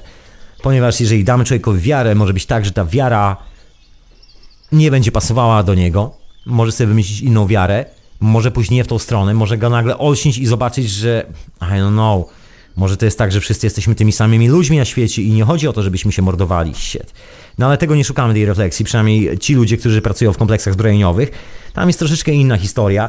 Tam raczej chodzi o to, żeby człowiekowi dać kasę i dać bardzo dużo, tak żeby nie było żadnych pytań, nie było żadnych wątpliwości. Jeżeli się pojawia wątpliwość, pojawia się duża suma na koncie i nie ma już wątpliwości. I to jest nasza intencja jako społeczności. Dlatego wielu ludzi się dziwi, dlaczego na świecie jest tak, jak jest. No jest tak, jak jest. Otóż to, dokładnie. Ponieważ jest ten problem z intencją. I to taki bardzo konkretny problem. Właśnie, bo to mówiłem o tym intencjonalnym e, planowaniu spraw, e, które lubimy sobie odpuszczać. Ja tu mam telefon i już odbieram. Halo, halo, witam Konradzie. Witam Cię Tomku. Zdrówko szanownemu panu. Sorry, ja jak no. zwykle nie podłączony mikrofon, już ci podłączam, że się lepiej słyszał. Wy słuchacze słyszycie okay, dobrze. No, Sorry. Bardzo dobrze Cię słyszę cały czas. Idealnie. No u mnie bardzo dobrze, tam generalnie mamy... Odpoczywamy sobie z kumplami po weekendzie. E, tfu, po ty ciężkim tygodniu. Rozumiem, e, po weekendzie. To musi być niezły weekend. Co, co ty myślisz o tej iluminacji, proszę pana? Co pan myśli na ten temat? Halo, halo, halo, halo. Czy pan tam jest? Czy pan tam jest? Ach, no, coś nie zadziałało, Skype, Skype się rozłączył. A ja myślę, że czas najwyższy. Puszczę muzyczkę. Poczekajcie z telefonami, ja tu troszkę odświeżę atmosferę. Troszeczkę dźwięku, tak się rozgadałem, poleciałem z tym tekstem o tej intencji. No ale wiecie, takie mam przemyślenia i staram się wyrzucić z siebie wszystkie naraz, żeby być transparentny sam ze sobą. Nie lubię, jak niektóre rzeczy parkują mi w głowie. Nie wiem jak ty, ale ja lubię tą transparencję. Lubię być taki szczery sam ze sobą. Przecież nie będę ci ściemniał, ani sam sobie przede wszystkim nie będę ściemniał do mikrofonu.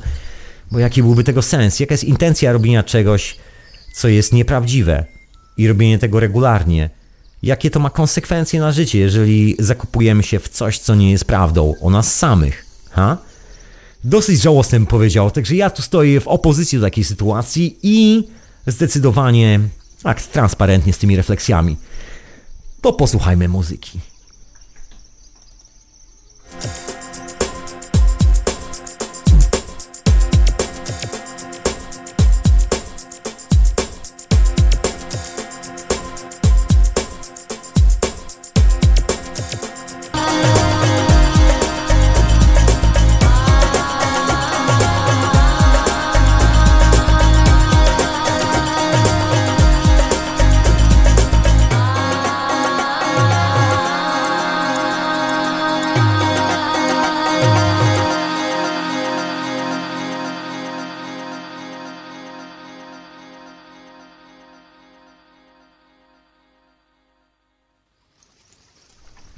Radio na fali. Uch, ale huknąłem do mikrofonu.com.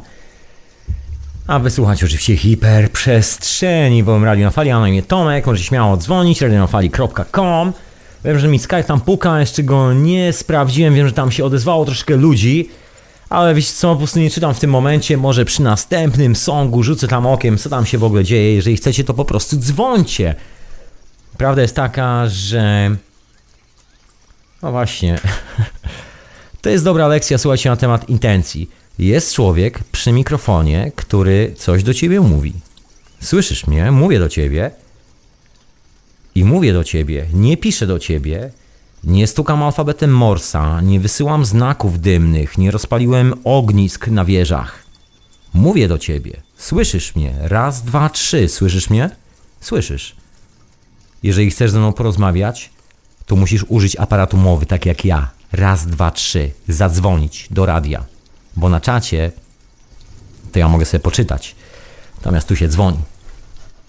I już odbieram telefon. Witam serdecznie. Halo, halo. Witam cię Tomku. Witam serdecznie. Aż masz niezły nickname, Szczurek.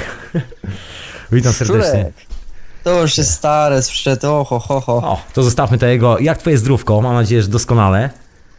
Zdróweczko jak najlepiej. No właśnie, słuchaj, co myślisz o tym, y, o tej całej historii z iluminacją? Ja dzisiaj tak rozpatruję ten wątek. Pewnie jestem nawet chyba nawet nie w połowie. Co dla ciebie jest w ogóle iluminacja? Jak ty na to patrzysz? Iluminacja? No słuchaj, jestem taki trochę medialny człowiek, także iluminacja dla mnie to jest coś, co po prostu ludzie trzymają w tajemnicy. Hmm, znaczy ja mówię o troszkę innej, e, innym znaczeniu, takim... Ops, ops, e, tam proszę ściszy Skype'a. Wyłączyć, znaczy nie ściszej Skype'a, wyłącz w ogóle radio, przejść na słuchawki, bo ja tu słyszę... Teraz na głośnik ogólnie, bo nie chciałem trzymać telefonu przy uchu, rozumiesz? Rozumiem, masz jakieś słuchawki do telefonu, to zawsze pomaga, jeżeli coś takiego masz.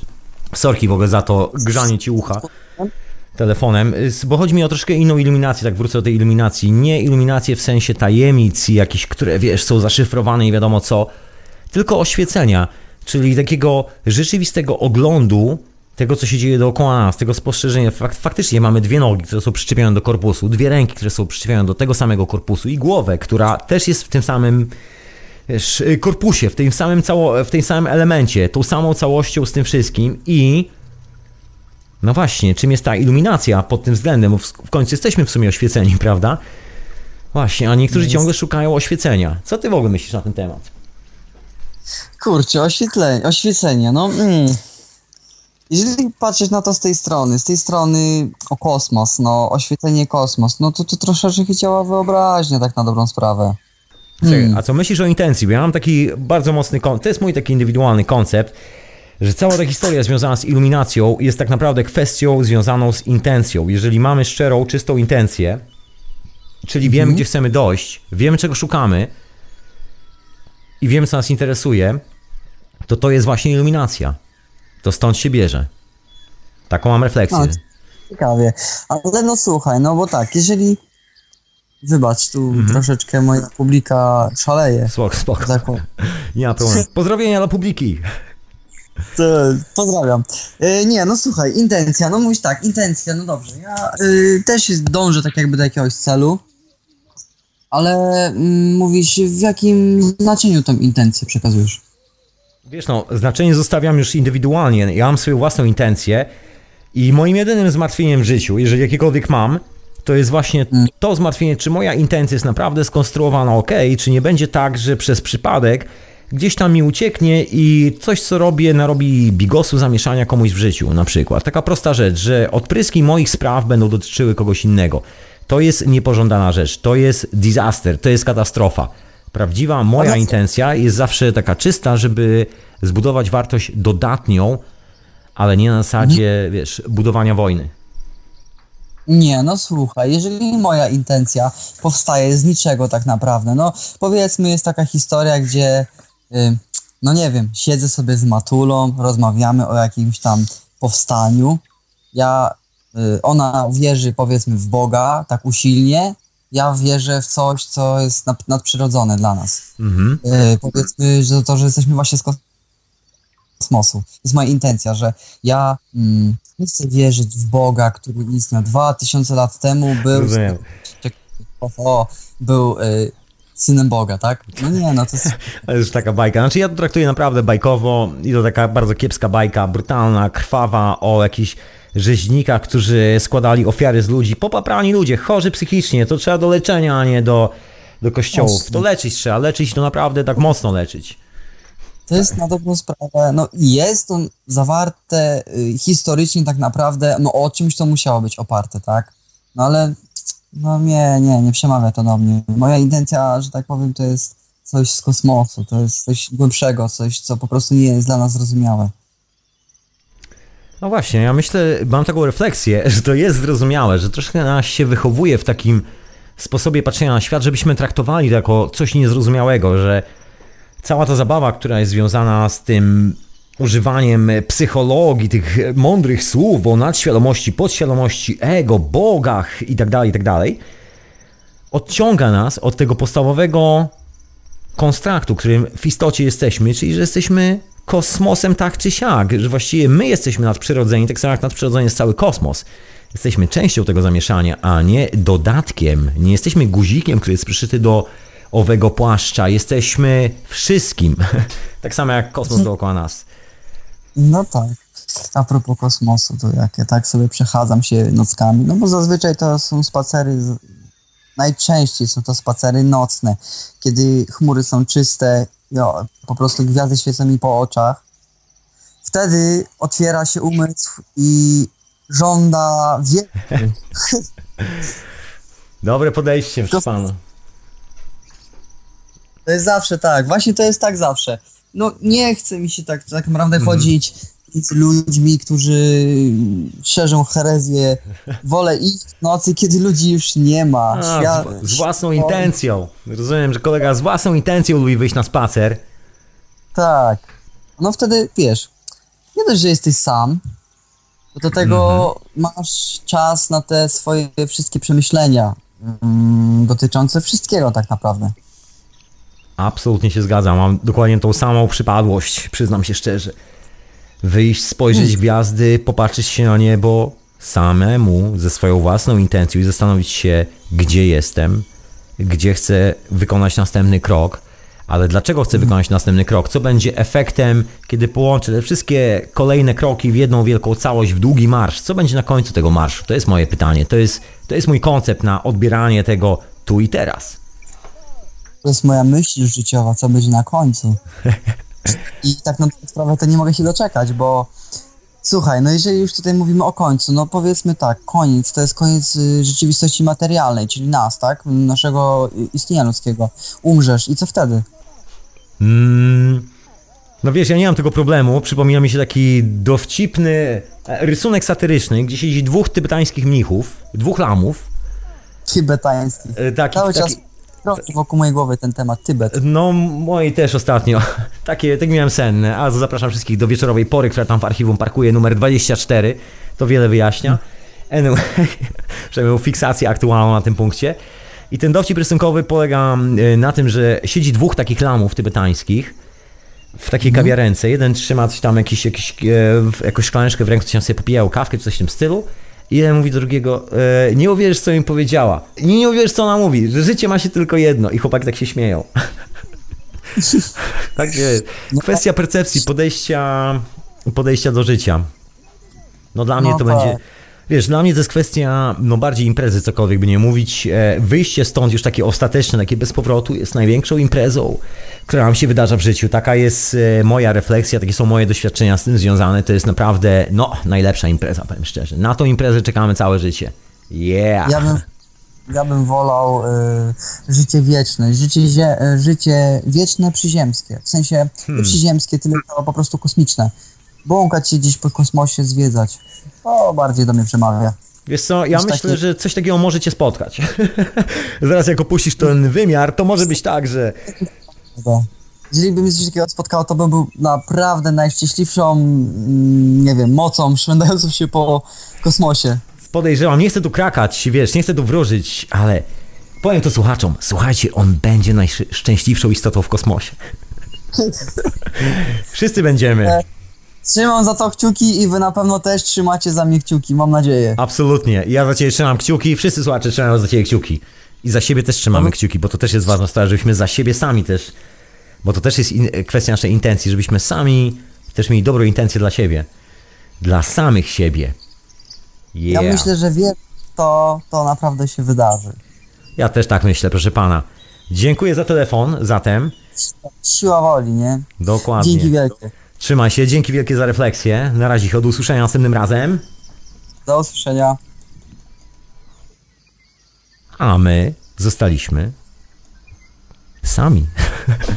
Dobra, włączę jakąś muzyczkę i po muzyce opowiem wam pewną taką refleksję, którą mam e, z obserwacji tej rzeczywistości dookoła właśnie związanej z tą naszą iluminacją i tym, jak próbujemy to postrzegać aktualnie, co wydaje mi się dosyć trefnym pomysłem, ale o tym może po piosence. Troszeczkę muzyki, bo tak dzisiaj zagadałem, wszystko zagadałem, mało muzy. Szkoda, szkoda, prawda? Niech troszkę dźwięku więcej poleci nam do ucha. A co?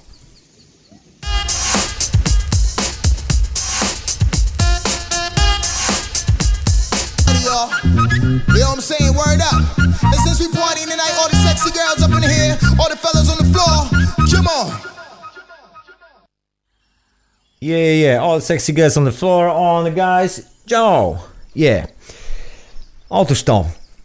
Trochę bitu w sobotni wieczór, a wy oczywiście słuchacie hiperprzestrzeni, jak gdyby nigdy nic. I czas najwyższy, żebym uderzył do tych swoich refleksji, od których właściwie zaczęło się to wszystko. A mianowicie taka prosta refleksja. Poszedłem się na zakupy, kupić kilka rzeczy do zjedzenia, żeby sobie ugotować właściwie coś do zjedzenia. A się okazało się, że koniec końców nie zrobiłem żadnych zakupów, postanowiłem, że się tylko przejdę, bo okazało się, że jest tyle w lodówce, że naprawdę nie ma żadnej potrzeby robić jakichś wielkich rzeczy i się okazało, że okej, to idę na spacer. No i tak sobie oczywiście spacerując, żeby się trochę dotlenić, przez kawałek troszeczkę bardziej zurbanizowanej przestrzeni minąłem kilka sklepów e, i tak dalej, i tak dalej. No i taka refleksja, moi drodzy, że z tą iluminacją i tym, czym jest to całe oświecenie, jest trochę jak z opakowaniem. Właśnie, ja tu odbieram telefon. Halo, halo, halo! No witam cię tam Witam no, serdecznie. Generalnie tam coś przerwało chyba wcześniej, dlatego nie mogłem się połączyć. No, ale już jesteś, już wszystko działa. Nie wiem, czy może u mnie nie przerwało. No, ale już jest okej. Słuchaj, jaka jest twoja, twoja idea tej e, sprawy związanej z iluminacją, z tym oświeceniem? Czy to jest intencja, czy masz jakiś inny koncept na to?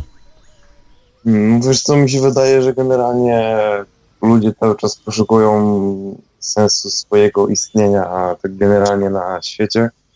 No i tak jak mój, mówił mój poprzednik, że tak powiem, że te wszystkie historie związane z religią to są takie trochę zniesione, bym powiedział. Trefne.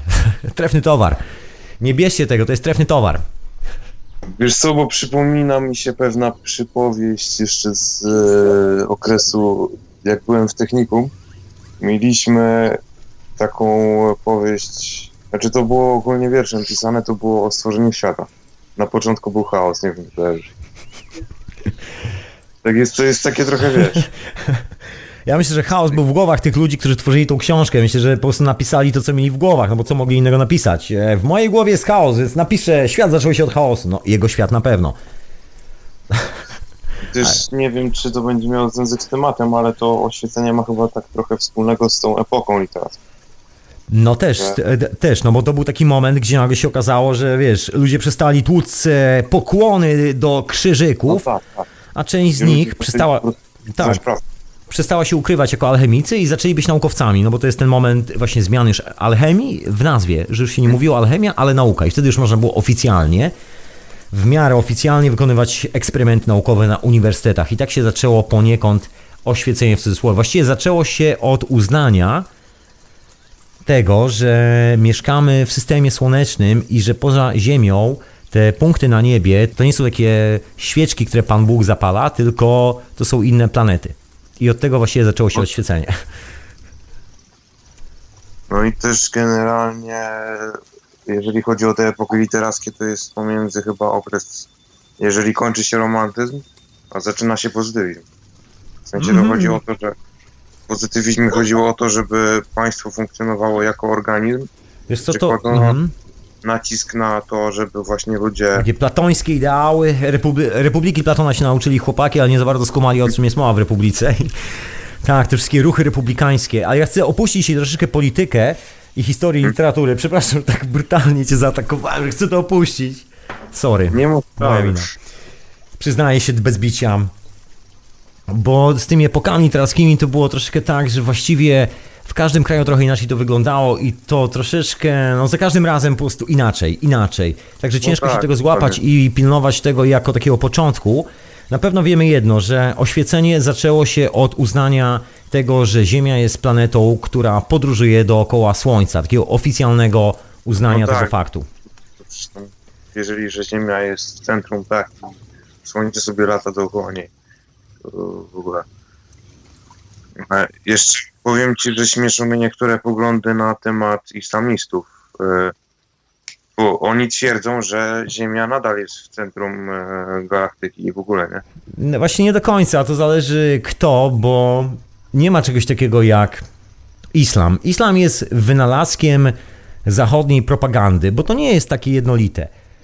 Jeżeli ktoś mówi, że jest e, muzułmaninem, to znaczy muzułmanin po arabsku oznacza w tłumaczeniu dosłownym na język polski człowiekiem wierzącym.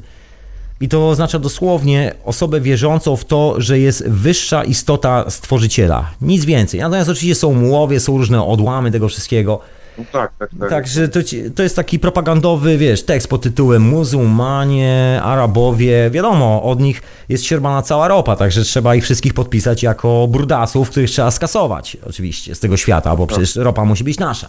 No. Halo, halo. No tak, tak. Jest. Słuchaj, Mon, to ja cię może rozłączam i dokończę swoją refleksję z tymi spostrzeżeniami dzisiejszego spaceru, bo ona jest właśnie w temacie iluminacji. I zapraszam później na telefony, tak czy siak. Proszę pana. No dobra, Okej, to dzięki za telefon i zapraszam na później. może później się odezwę. Mhm. Zapraszam zatem. Okej? Na razie, ho. Ja wracam. To zawsze taka niezręczna sytuacja jest tak. Yy, yy, bo ja tu mam zdanie do powiedzenia. Czas leci na liczniku, widzę jak minuty lecą. A mam taką intencję, żeby ten przekaz był skondensowany, żeby nie był aż tak rozle- rozwlekły i pilnuję tej swojej intencji jak pies kości. I nie ma to jest inaczej. To jest moja intencja. Otóż to, jak pies kości. I wracając do tych opakowań, otóż to, Przyjrzyjcie się, jak wygląda świat, którym jesteśmy otoczeni, świat, który tworzymy mimowolnie. I to od jakiegoś czasu. Nie było to zbyt popularne lata temu. Były takie momenty w historii cywilizacji, że produkt był zawsze produktem. Jeżeli człowiek kupował chleb, to dostawał chleb do ręki. Jeżeli kupował krzesło, dostawał krzesło do ręki. Dzisiaj jest inaczej. Dzisiaj kupujemy krzesło, które jest zapakowane jak stół. Dzisiaj kupujemy chleb, który jest zapakowany jak czekoladki. Wszystko jest zapakowane i opakowanie imituje coś, czego produkt nie posiada. To jest zasadnicza cecha. No jako człowiek, który zawodowo jest sklejony z takimi historiami zwanymi reklamą, doskonale sobie z tego zdaję sprawę i przyglądałem się temu przez lata w swoim życiu zawodowym, jak gówniane coś, które nie ma żadnego znaczenia, żadnego sensu dla naszego życia jest opakowywane w taki sposób, żeby stworzyć u ciebie iluzję, że tego potrzebujesz, żeby stworzyć u ciebie tą identyfikację z tym załącznikiem, bo wiadomo, że masz jakiś załącznik, musisz mieć załącznik. Pierwszym załącznikiem, do którego przylegasz, teoretycznie, według definicji, jest wypłata, którą musisz odebrać i kasa, którą musisz wydać po to, żeby mieć o czym rozmawiać z innymi ludźmi bardzo często, ponieważ w dzisiejszych czasach jest tak jak jest i część z nas rozmawia tylko o tym, co zrobiło w pracy i ile pieniędzy zarobiło. Natomiast inne tematy nie istnieją, nie ma życia poza tym bardzo często. No poza oczywiście opowieściami z wakacji w egzotycznych miejscach. Równie nudne podejrzewam. Anyway, no czasami ciekawe, to zależy kto opowiada. Jeżeli jest to osoba, która podróżuje z dala od hoteli, podróżuje swoim własnym szlakiem, to jest to osoba, która ma intencje i podróżuje z intencją. I to jest osoba, która może mieć dużo informacji i dużo ciekawej wiedzy. Natomiast z drugą stronę, tak, no wiem o co chodzi. Widzieliśmy te miliony zdjęć e, z kurortów, gdzie się wychodzi na plażę, potem wraca się do hotelu, idzie na basen w hotelu, pije się drinki hotelowe, następnie z powrotem do hotelu i tak przez dwa tygodnie w to i z powrotem, plus jedna wycieczka autokarem do lokalnej atrakcji turystycznej. To były nasze cudowne wakacje. Jo, e, i tak to często wygląda. Anyway, albo czasami te wakacje wyglądają jak podążanie wzorem jakiejś postaci filmowej. Książę Edward w jednej z etykiet opowiadał bardzo ciekawą rzecz. Historia z Tokio. Dlaczego białe dzieciaki obsesyjnie, no nie wszystkie, ale duża część białych dzieciaków dostaje pierdolca i zasuwa do Tokio, bo oglądali film o samotności w Tokio i cała zabawa polega na tym, że biegają po tym Tokio, żeby się, że tak powiem, skleić z tymi miejscami, żeby poczuć się jakby należeli do tego miejsca, jakby po prostu tutaj e, się urodzili. I wracając do tej całej historii z opakowaniem. Jeżeli się przyjrzymy na tą całą konstrukcję, nie tylko na opakowaniu, tylko na produkt w środku, tylko weźmiemy to jako jedną całość, zauważymy jedną rzecz, taką konsekwencję tego, że właściwie zaczęliśmy wierzyć w to, że opakowanie jest ważniejsze od produktu. O tym wie każda agencja reklamowa, każdy człowiek zawodowo pracujący w tym biznesie, że to opakowanie sprzedaje produkt. Ba, swego czasu Pablo Picasso powiedział chyba najmądrzejsze zdanie w swoim życiu, ponieważ był to taki troszkę można powiedzieć, prosty bęcwał, który był bardzo prosty rozrywki, byle było dużo dziewczyn, dużo wina i dużo płacili za obrazy. To, to mu wystarczało, ale kilka obrazków mu się fajnie udało namalować. Ja nie jestem wielkim fanem malarstwa Picasso, uważam to za tandetę, mówiąc szczerze, za wyjątkiem kilku rzeczy, które namalował dla siebie, które są naprawdę niesamowite i za wyjątkiem ilustracji, rysunków przede wszystkim wykonanych jego ręką, bo miał niesamowity talent do rysowania. Ale tu odstawiam wszystkie rysunkowe historie. No więc Picasso zauważył jedną cenną rzecz, że nie sprzedaje się obrazu, sprzedaje się ramę i to samo powtarzał Salvador Dali, to samo mówili praktycznie wszyscy. Łącznie z impresjonistami, że sprzedaje się ramę, a nie obraz w dużej mierze. My kupujemy opakowanie, to jest długość naszej intencji.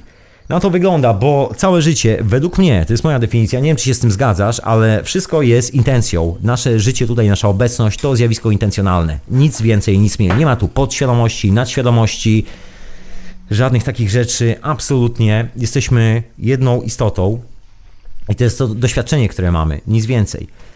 I jak się okazuje, manifestujemy, przynajmniej w moim, e, w moim odczuciu manifestujemy dokładnie to nasze wewnętrzne rozbicie, tak zwane górnolotnie, byłem cywilizacyjne, właśnie tą naszą identyfikację z dotkryną, że budujemy sobie jakąś iluzoryczną dotkrynę, albo ktoś ją zbudował, a my podążamy za nią i to jest to opakowanie.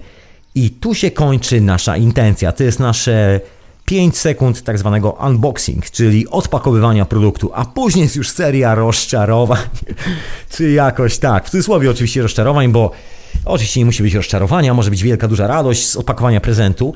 Dawniej było tak, że prezenty opakował się specjalnie na specjalne okoliczności. Pamiętacie jeszcze z dzieciństwa prezenty pod choinkę? To jest ta intencjonalna sprawa. Dajemy komuś coś i pięknie to opakowujemy, żeby opakowanie wyrażało naszą dobrą intencję, żeby go ucieszyć, żeby dać mu radość e, z posiadania czegoś, co dla nas też jest radosne. W ogóle no coś fajnego, zrobić miłą sytuację, dobrą atmosferę.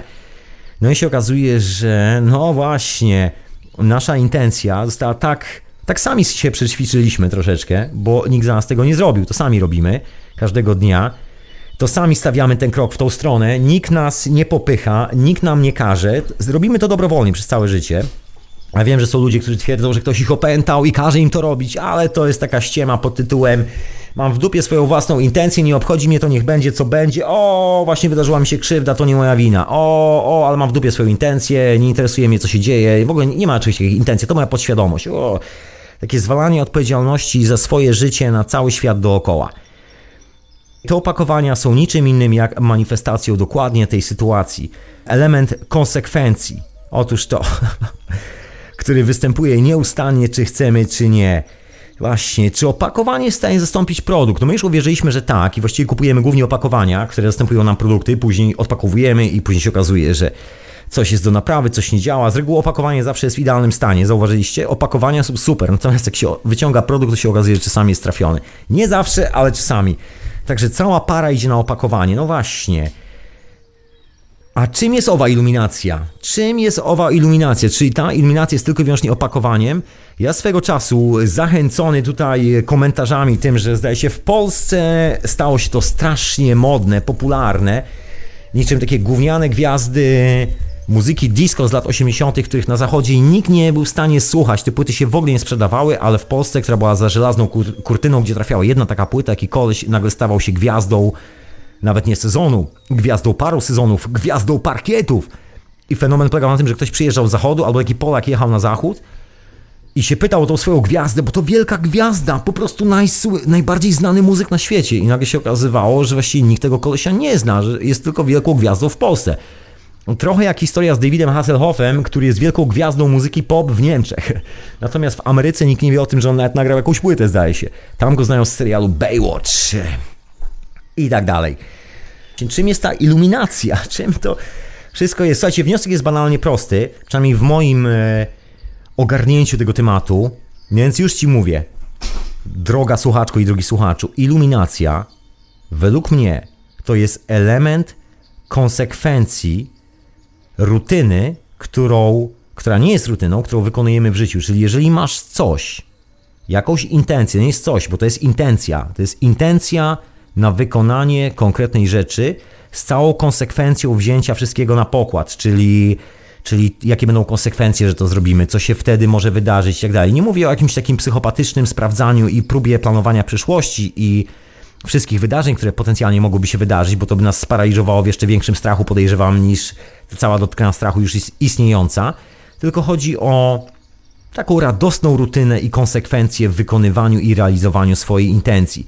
Nie chodzi o jakąś obsesyjną rzecz, że co do minuty, co do sekundy, co do ułamka sekundy. Nie, nie, nie. Chodzi o to, żeby robić to regularnie w naszym tego słowa pojęciu, w moim tego słowa pojęciu, jeżeli chodzi o moją regularność, w Twoim własnym pojęciu regularności. Dla Ciebie może być to poniedziałek, wtorek i czwartek, a dla mnie będzie to zupełnie inny moment tygodnia i zupełnie inne godziny i w zupełnie innych odstępach czasu. Może tak być, ale to jest dokładnie ta sama rutyna. To jest rutyna, która pomaga mi realizować moją intencję, która jest jasna, klarowna dla mnie i nie pozostawia żadnych pytań i żadnych złudzeń. Jeżeli coś się wydarza po drodze, no cóż, ta intencja odpada. No właśnie, i tu muszę wrócić do tych szaleń związanych z tymi rzeczami, które się opowiada ludziom, czyli szkolenia z dwupunktu i tym podobnych rzeczy, które właśnie ostatnio stały się tak strasznie popularne w Polsce. Słuchajcie, zerknąłem za namową przyjaciół na wideo, gdzie ludzie, którzy się zajmują tymi rzeczami, opowiadają o tym, na czym polega ta metoda i tak dalej, i tak dalej. No nie chcę tu specjalnie krytykować ani nic. Znaczy nie chciałem, żeby to zostało odebrane jako krytykę, to jest moja własna, prywatna refleksja i dla mnie jest to taki bullshit, taki bełkot, że głowa boli. Słuchajcie, zobaczyłem smutnych, przerażonych życiem ludzi, no może nie przerażonych, ale mocno przestraszonych, ludzi, którzy mają problem, żeby skumać, że ich własne życie jest intencją i budują sobie jakieś punkty, do których będą się jak załączniki przylepiać i w ten sposób będą próbowali manewrować swoją własną właśnie świadomością, podświadomością, wymyślają milion słów, no czyż może być coś bardziej chorego w dzisiejszych czasach? Czyż ta kultura, którą mamy za oknem, nie jest właśnie taką kulturą attachmentu, gdzie wszyscy są przerażeni, no może nie wszyscy, znakomita część, i szuka wiecznie pocieszenia w jakimś kompletnym zatraceniu. Począwszy od giełdy, począwszy właśnie od tych wszystkich finansowych spraw, a skończywszy na właśnie na takim prywatnym życiu i na relacjach między ludźmi. Jedna ciekawa rzecz, która jest zaskakująca, że wszystkie te informacje o tym, że można się samemu przestawić i nastawić, są informacjami komercyjnymi. To jest w ogóle fenomen, że ktoś. To jest w ogóle fenomen. To jest jak pójść do jakiegoś wyznania, do jakiejś sekty i im zapłacić za to, że nam wypiorą mózg. To jest dokładnie taka sama sytuacja.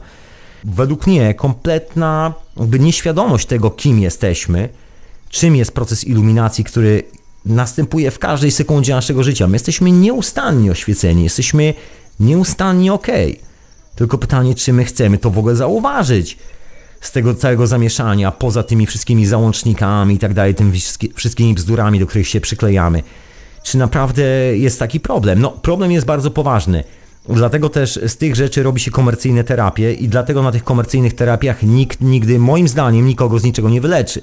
Taka jest moja opinia, mogę się absolutnie mylić, mogę w ogóle nie mieć racji, ale to moja opinia i bardzo ją lubię i mam powody ku temu, żeby tak twierdzić, bardzo solidne. Jest to działalność komercyjna, gdzie uczy się ludzi, no uczy się ludzi, no właśnie, próbuje się nauczyć ludzi tego, żeby wyszli z siebie, nie wychodząc z siebie i żeby potraktowali siebie jako taki worek po prostu załączników, a nie jako jedną całość. Taka jest moja koncepcja i przede wszystkim e, taka monopolizacja. Z każdą terapią jest dokładnie taka sama historia, taką, która właściwie nie jest żadną terapią, która jest tylko i wyłącznie szarlatan, szarlataństwem, polega na tym, że deprecjonuje coś, co działa. Mnie roztrzaskała jedna rzecz, że ludzie, którzy zajmują się teoretycznie naprawianiem innych ludzi, odsądzają od czci i wiary substancje psychoaktywne, a dokładnie neurotransmitery, twierdząc, że to szkodzi w konsolidacji samego siebie. Czyż może być większe kłamstwo, ale to kłamstwo ma swoje podstawy. Ponieważ normalną rzeczą jest to, o czym wszyscy ci ludzie wiedzą, bo oni sami siebie nie wyleczyli, sami nie mają czystej intencji. Oni w ogóle nawet jeszcze nie dotarli do momentu, żeby zrozumieć, że to ich pieprzone życie jest intencją. Czy ty w to uwierzysz? Spędzili całe życie, słuchaj, uczą innych, warsztaty, reklamują się, promują, wiesz, książki piszą, wszystko robią na ten temat. Uwierzysz mi, że przez całe swoje zasmarkane życie nie wpadli na pomysł, że jedyne czym są, to jedna pieprzona intencja, która się buja po kosmosie. Na to nie wpadli. Dalej nie wpadli na to, czym jest ego. Dalej nie wiedzą, że dzień, który był wczoraj, jest dniem, który już nie istnieje. I chcą leczyć innych ludzi. Czyż to nie jest zabawne? Czyż to nie jest ironia losu? Nikt się nie naprawi z tego powodu. Każdy będzie taki, jaki był. Jest to taka zabawa dla zamożnej klasy średniej w Polsce, które, którą stać na jeżdżenie na warsztaty, na robienie tych wszystkich rzeczy. Po prostu stać ich na to, żeby się zabawić, żeby znaleźć w swoim życiu coś, co nigdy nie skonfrontuje ich z rzeczywistą naturą ich własnego życia, ich właściwej intencji, tylko znajdą sobie jakąś fajną rozrywkę, która będzie w miarę blisko, będzie takim dobrym attachmentem, takim załącznikiem do ich życia, dzięki któremu będą mogli sobie wyjaśnić, że właściwie poza tym, że nic nie robią tak jak należy, to wszystko jest ok, bo, bo są po jakiejś metodzie, która ich wyleczyła z czegoś. Efekt jest żaden. Nie ma żadnego efektu. No i ta monopolizacja tego, że są jakieś metody, które są wyjątkowe. Ta historia ciągnie się za nami od jakiegoś czasu. Pierw były różne sekty, które próbowały zmonopolizować nasze życie. Później pojawił się Zygmunt Freud, który swoim męskim członkiem próbował i obsesją na punkcie swojego własnego męskiego członka próbował zbudować e, rzeczywistość dla wszystkich ludzi dookoła i stworzyć problem, który obowiązuje wszystkich, jakby przenieść swój problem na każdego. Później się, oczywiście za kasę, bo nigdy nie było to za darmo. Później kolejni ludzie, kolejni ludzie, kolejni ludzie. I dalej mamy do czynienia z jedną i tą samą działalnością, komercyjną działalnością, gdzie opowiadam się bajki, a nikt z tych ludzi opowiadających bajki nie ma pojęcia, w mojej prywatnej opinii, o tym, że życie jest intencją. Sam tego nie kuma. Być może to jest droga tego człowieka do tego, żeby pewnego dnia po zrobieniu tysiącu warsztatów dla tysiąca ludzi albo paru tysięcy ludzi nagle usiadł sam ze sobą i się zastanowił, man, co ja w ogóle robiłem przez te lata? Przecież to głupota była. Może o to chodzi w tym wszystkim. I don't know. Oby tak się skończyło. Wtedy jest szansa, że wszystko wróci na normalne tory.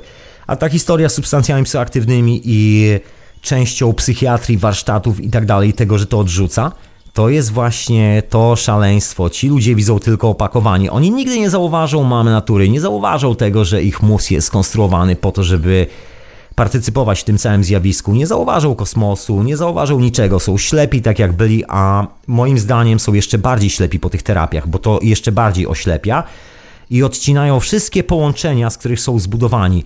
Efekt jest taki, że świadomie za pomocą gównowartych, nie wiadomo czego, po prostu mambo jumbo, doprowadzają się do czego? I don't know. Do rozsypania chyba na jeszcze większą ilość kawałków. Taka próba poskładania później tego wszystkiego z tego śmietnika kończy się tak jak próba poskładania zegarka z rozebranego tostera i żelazka. No ciężko złożyć zegarek z tych dwóch urządzeń. Moim zdaniem. No chyba, że ktoś potrafi to. Oddaję tutaj honor, ale trzeba chyba było pozmieniać kilka elementów, bo tak normalnie to się nie da. A za tym wszystkim stoi jedna prosta informacja, która jest za darmo i to jest taki papierek lakmusowy każdej sytuacji. Informacja jest zawsze za darmo. Jeżeli jest ktoś, kto żąda pieniędzy za informację, to albo kłamie, albo tylko w wyjątkowej sytuacji ma ku temu powody, bo musi opłacić, nie wiem, wydanie książki albo coś w tym stylu. To jeszcze jestem w stanie zrozumieć. Ale jeżeli jest to w ten sposób robione, to dla mnie jest absolutnie kłamstwo. Powód jest prosty. Jeżeli ktoś ignoruje i neguje to, że jesteśmy kosmicznie połączeni, jesteśmy kosmosem z tym całym światem dookoła, no to w jaki sposób może zrozumieć albo wyleczyć kogokolwiek, skoro sam nie widzi w sobie połączenia z, z małą naturą, nie widzi siebie jako całości w tym kosmosie, to w jaki sposób będzie mógł przekazać tą informację dalej? Nigdy nie będzie mógł bo zawsze będzie człowiekiem rozsypanym na milion kawałków, próbującym poskładać z tych bzdur, które są dookoła, coś, co na końcu będzie przypominało Quasimodo, znowu się rozsypie, znowu będzie składane, znowu się rozsypie. No właśnie. O sens życia, prawda? No, ludzie się zastanawiają, jaki jest sens życia? Niech mi ktoś powie, jaki jest sens mojego życia. To wielkie pytania, które próbują odpowiedzieć filozofowie, powstała cała nauka, milion dolarów przypływa w jedną i w drugą stronę, żeby zaspokoić Twoją i moją potrzebę wiedzenia, na czym polega ten pieprzony sens życia.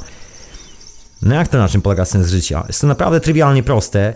Polega na tym, że to my nadajemy sens naszemu życiu właśnie naszą intencją. I mówię Ci szczerze, że nie ma nic innego, przynajmniej w moim oglądzie rzeczywistości. No, można się z tym zgodzić lub nie. Ale moim zdaniem, jeżeli szukasz odpowiedzi na sens życia, to daję ci tutaj za darmo. Sens Twojego życia polega na tym, że musisz nadać sens swojej intencji. Musisz po prostu wiedzieć, jaka jest Twoja intencja. I nic więcej. To jest wszystko. To jest cały sens Twojego życia. I naprawdę nie musisz mi tutaj nic płacić. To jest absolutnie za darmo, człowieku. Czuj się dobrze. Porzuć te iluzje o ego, podświadomościach, nadświadomościach. Bądź tu, gdzie jesteś, a i tak jesteśmy zawsze tylko w jednym momencie, tu i teraz. Nie ma większej ilości momentów, w którym przebywamy. No chyba, że ktoś, e, no ale nawet jeżeli ktoś wywędrował do innych wymiarów, to też jest tylko tu i teraz. To jest taka elementarna prawda o całym świecie dookoła. Dlatego przyszłość jest tylko przyszłością, a przeszłość jest przeszłością. I wszystkie te terapie, całe te szkoły, które powstały, cała ta psychologia, całe to wciskanie kitu powstało no właśnie, tylko po to, żeby nas chyba odciągnąć od tego wszystkiego. No inna sprawa, że nie da się sprzedać prawdy. To jest też druga elementarna sprawa w tym wszystkim.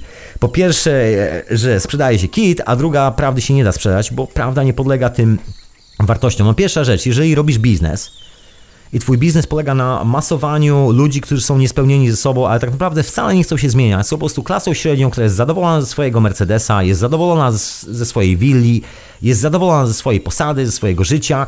Oczywiście wie, że gówno robi, relacje z ludźmi dookoła są żadne, wszystko, co zostawia za sobą, to zgliszcza i popiół. No ale żeby sobie, że tak powiem, odbić i dowartościować ten problem, że nic z tego nie wychodzi, idzie na takie warsztaty. I te warsztaty pozwalają tym ludziom trwać dalej w tej postawie, bo przecież nikt nie powie swojemu klientowi czegoś takiego jak hey man, musisz to wszystko zostawić. I to nie jest kwestia tego, czy ty chcesz, czy nie. Twoje ego nie istnieje, po prostu jest twoja przeszłość. Świadomość jest przyszłością, która nie istnieje. To nie ma nic więcej, a cały sens twojego życia polega tylko i wyłącznie na tym, jaką intencję mu nadasz. Ja tu nie jestem od robienia za ciebie życia. Jeżeli ktoś komuś powie, szczególnie, że tak powiem, tak zwany nauczyciel, powie taką sentencję swojemu klientowi, no to wiadomo, że jego klient poczuje się w mocnym dyskomforcie.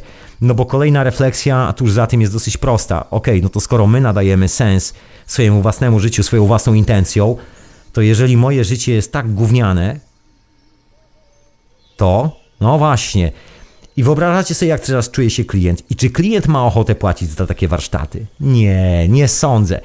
To nie jest po to, żeby kogoś zmienić, to wszystko jest po to, żeby zarobić kasę i żeby utrzymać ten radosny status quo, tak zwany po angielsku z amerykańskiego comfort zone, czyli strefę własnego komfortu, żeby bynajmniej się nie zmienić, ale żeby było już troszeczkę fajniej, żeby nie było tak, że robię mm, to ja coś będę udawał, że robię innego. To jest ta kwestia związana z opakowaniem. Moim zdaniem wszystkie te rzeczy są absolutnie opakowaniem. Inna sprawa, że jeżeli komuś kiedykolwiek, jakakolwiek historia, o której tu mówiłem, że jest bullshitem, i dalej tak mówię, i dalej tak twierdzę, pomogła, to cud. To gratuluję, to człowieku miałeś szczęście. Ja tu rozmawiałem z wieloma ludźmi w swoim życiu, którzy przerobili już takie wynalazki, łącznie z siedzeniem w Nepalu, łącznie ze szlajaniem się po Indiach, w innych miejscach. I powiem wam szczerze, byli to szczęśliwie dla mnie mądrzy ludzie, którzy jasno i wyraźnie widzieli, że to oni nadają sens swojemu własnemu życiu, swoją własną intencją.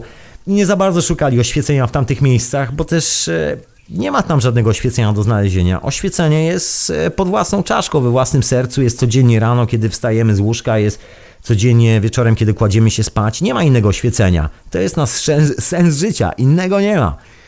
That's the point, guys. I to jest moja refleksja na temat owej iluminacji, która się wydarza nieustannie dookoła nas. I żeby zrozumieć tą iluminację, nie da się inaczej jak zaakceptować wszystko to, co jest dookoła nas, zaakceptować to, kim jesteśmy. Jeżeli wydaje nam się, że widzimy gdzieś dysonanse, jeżeli myślisz, że gdzieś jest dysonans, pójdź i sprawdź. Może się okazać, że gówno wiesz na ten temat, za przeproszeniem, i nie ma tam żadnego dysonansu. Jest wręcz odwrotnie, znajdziesz połączenie. Może się okazać, że spotka cię historia z piorunem. No tak jak moja babcia, która uciekała przed piorunem, prawie że chowała się do piwnicy, a ty się może okażesz Nikolą Teslą i dla ciebie piorun będzie czymś, co zamienisz na niesamowitą wartość dla wszystkich ludzi dookoła. To są te dwie odmienne, skrajne postawy. Dotkryna strachu oraz wiedza, która jest związana właśnie z ową iluminacją, z tą konsekwencją i rutyną, że nam się chce czegoś dowiedzieć i że nam się chce postawić krok we właściwym miejscu z całą konsekwencją stawiania tego kroku we właściwym miejscu.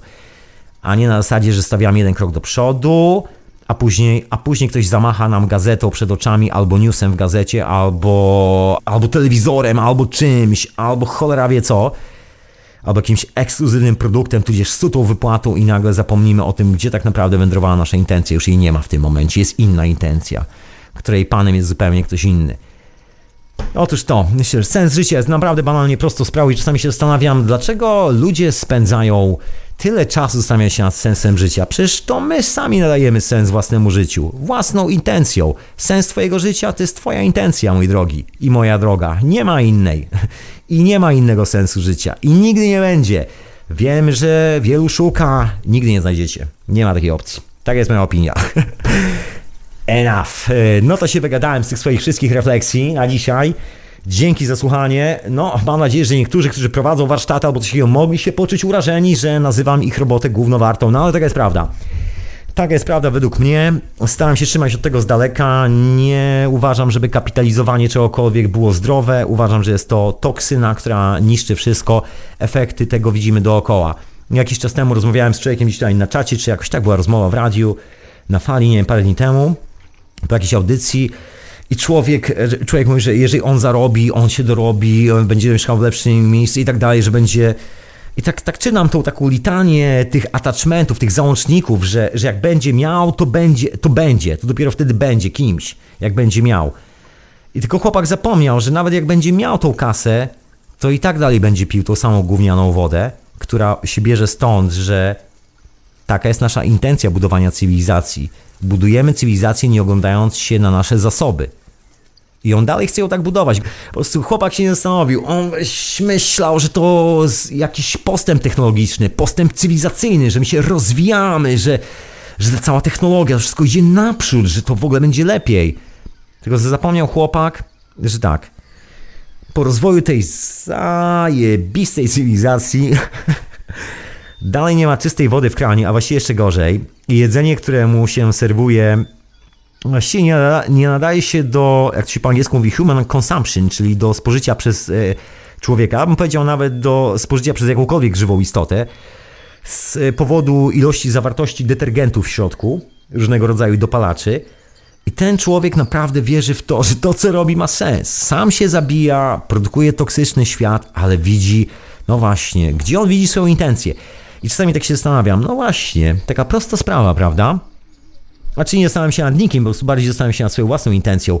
Czasami gdzie ląduję w jakichś sytuacjach i okej, okay, to teraz mam dwie opcje, albo więcej opcji, albo 300 opcji, albo niezliczoną ilość opcji, ale jest zawsze jedna opcja, taka najważniejsza. To jest opcja związana z moją intencją, ze szczerością tej intencji, z tą intencją, która nada sens i nadaje sens mojemu życiu, tak jak ma być. Otóż to, i do tego się to wszystko sprowadza. I taką refleksję mam na koniec. Także moi drodzy, jeszcze raz, żeby nikt z Was y, nie zapomniał, jaki jest sens naszego życia. Jeżeli ktoś jeszcze nie wpadł na ten prosty wniosek, jeżeli to zajęło tyle lat, słuchajcie, to nie musicie już dłużej myśleć. Daję Wam ten wniosek za darmo, absolutnie. Dzielcie się nim ze wszystkimi. Sens życia, nasz sens życia jest taki, jak nasza intencja, której nadajemy samodzielny kierunek. Taki jest sens naszego życia. A jaka będzie Twoja intencja? I don't know. Czas pokaże i czy będzie zbrodnicza, czy też będzie konstruktywna. Czas pokaże. Za parę lat, nawet nie za parę lat, jutro każdy z nas wstanie, obudzi się, wyjdzie na świat i spotka konsekwencje swojej intencji w postaci ludzi. Albo nawet, niektórzy może nawet jeszcze dzisiaj wyjdą z domu i spotkają konsekwencje właśnie swojej iluminacji, swojego oświecenia i swojej intencji w postaci tego świata dookoła i każdy z nas zobaczy, gdzie właściwie mieszka i co go otacza. I co ma w środku. Co jest w środku tej głowy? Jaka tam jest intencja? Otóż to, i to tyle mojego gadania na ten temat. Uff, to się nagadałem, troszkę się przeciągnęło. Przy okazji, słuchajcie, zapraszam, zapraszam do archiwum Radia na Fali, radionafali.com, do pozostałych podcastów, audycji moich pozostałych kolegów tu nadających. No, czyli oczywiście etykiety zastępczej, czasnu, który zaraz się pojawi, w sensie premierowe odcinki wieczorowej porze, teorii chaosu, która, która też jest w radiu na fali, e, konwentu wiedzy alternatywnej, materiału właśnie z owego ostatniego konwentu, który się pojawiał. Granie, zajrzyjcie do archiwum, jest tam troszeczkę rzeczy do słuchania, mam nadzieję, że, że sobie coś wybierzecie, coś, co będzie wam pasowało. Who knows, to jest wasza intencja, tak samo jak moja intencja jest moją intencją, prawda? Dla niektórych przerażające. Niektórzy naprawdę się tego boją. Uwierzcie mi, widziałem takich ludzi. Może ty się boisz? Nie, no daj spokój, nie ma się czego bać. To jest nasza intencja. Jeżeli jest szczera, to naprawdę nie ma się czego bać. Otóż to. I tyle na dzisiaj, moi drodzy. Zatem dzięki wielkie za wysłuchanie kolejnego odcinka hiperprzestrzeni, mojej opowieści o intencji i iluminacji, takich tam warsztatowych historiach. Dzięki wszystkim mecenasom za wspieranie Radia na Fali. Dzięki Ci mecenasko, dzięki Ci mecenasie. Peace and love.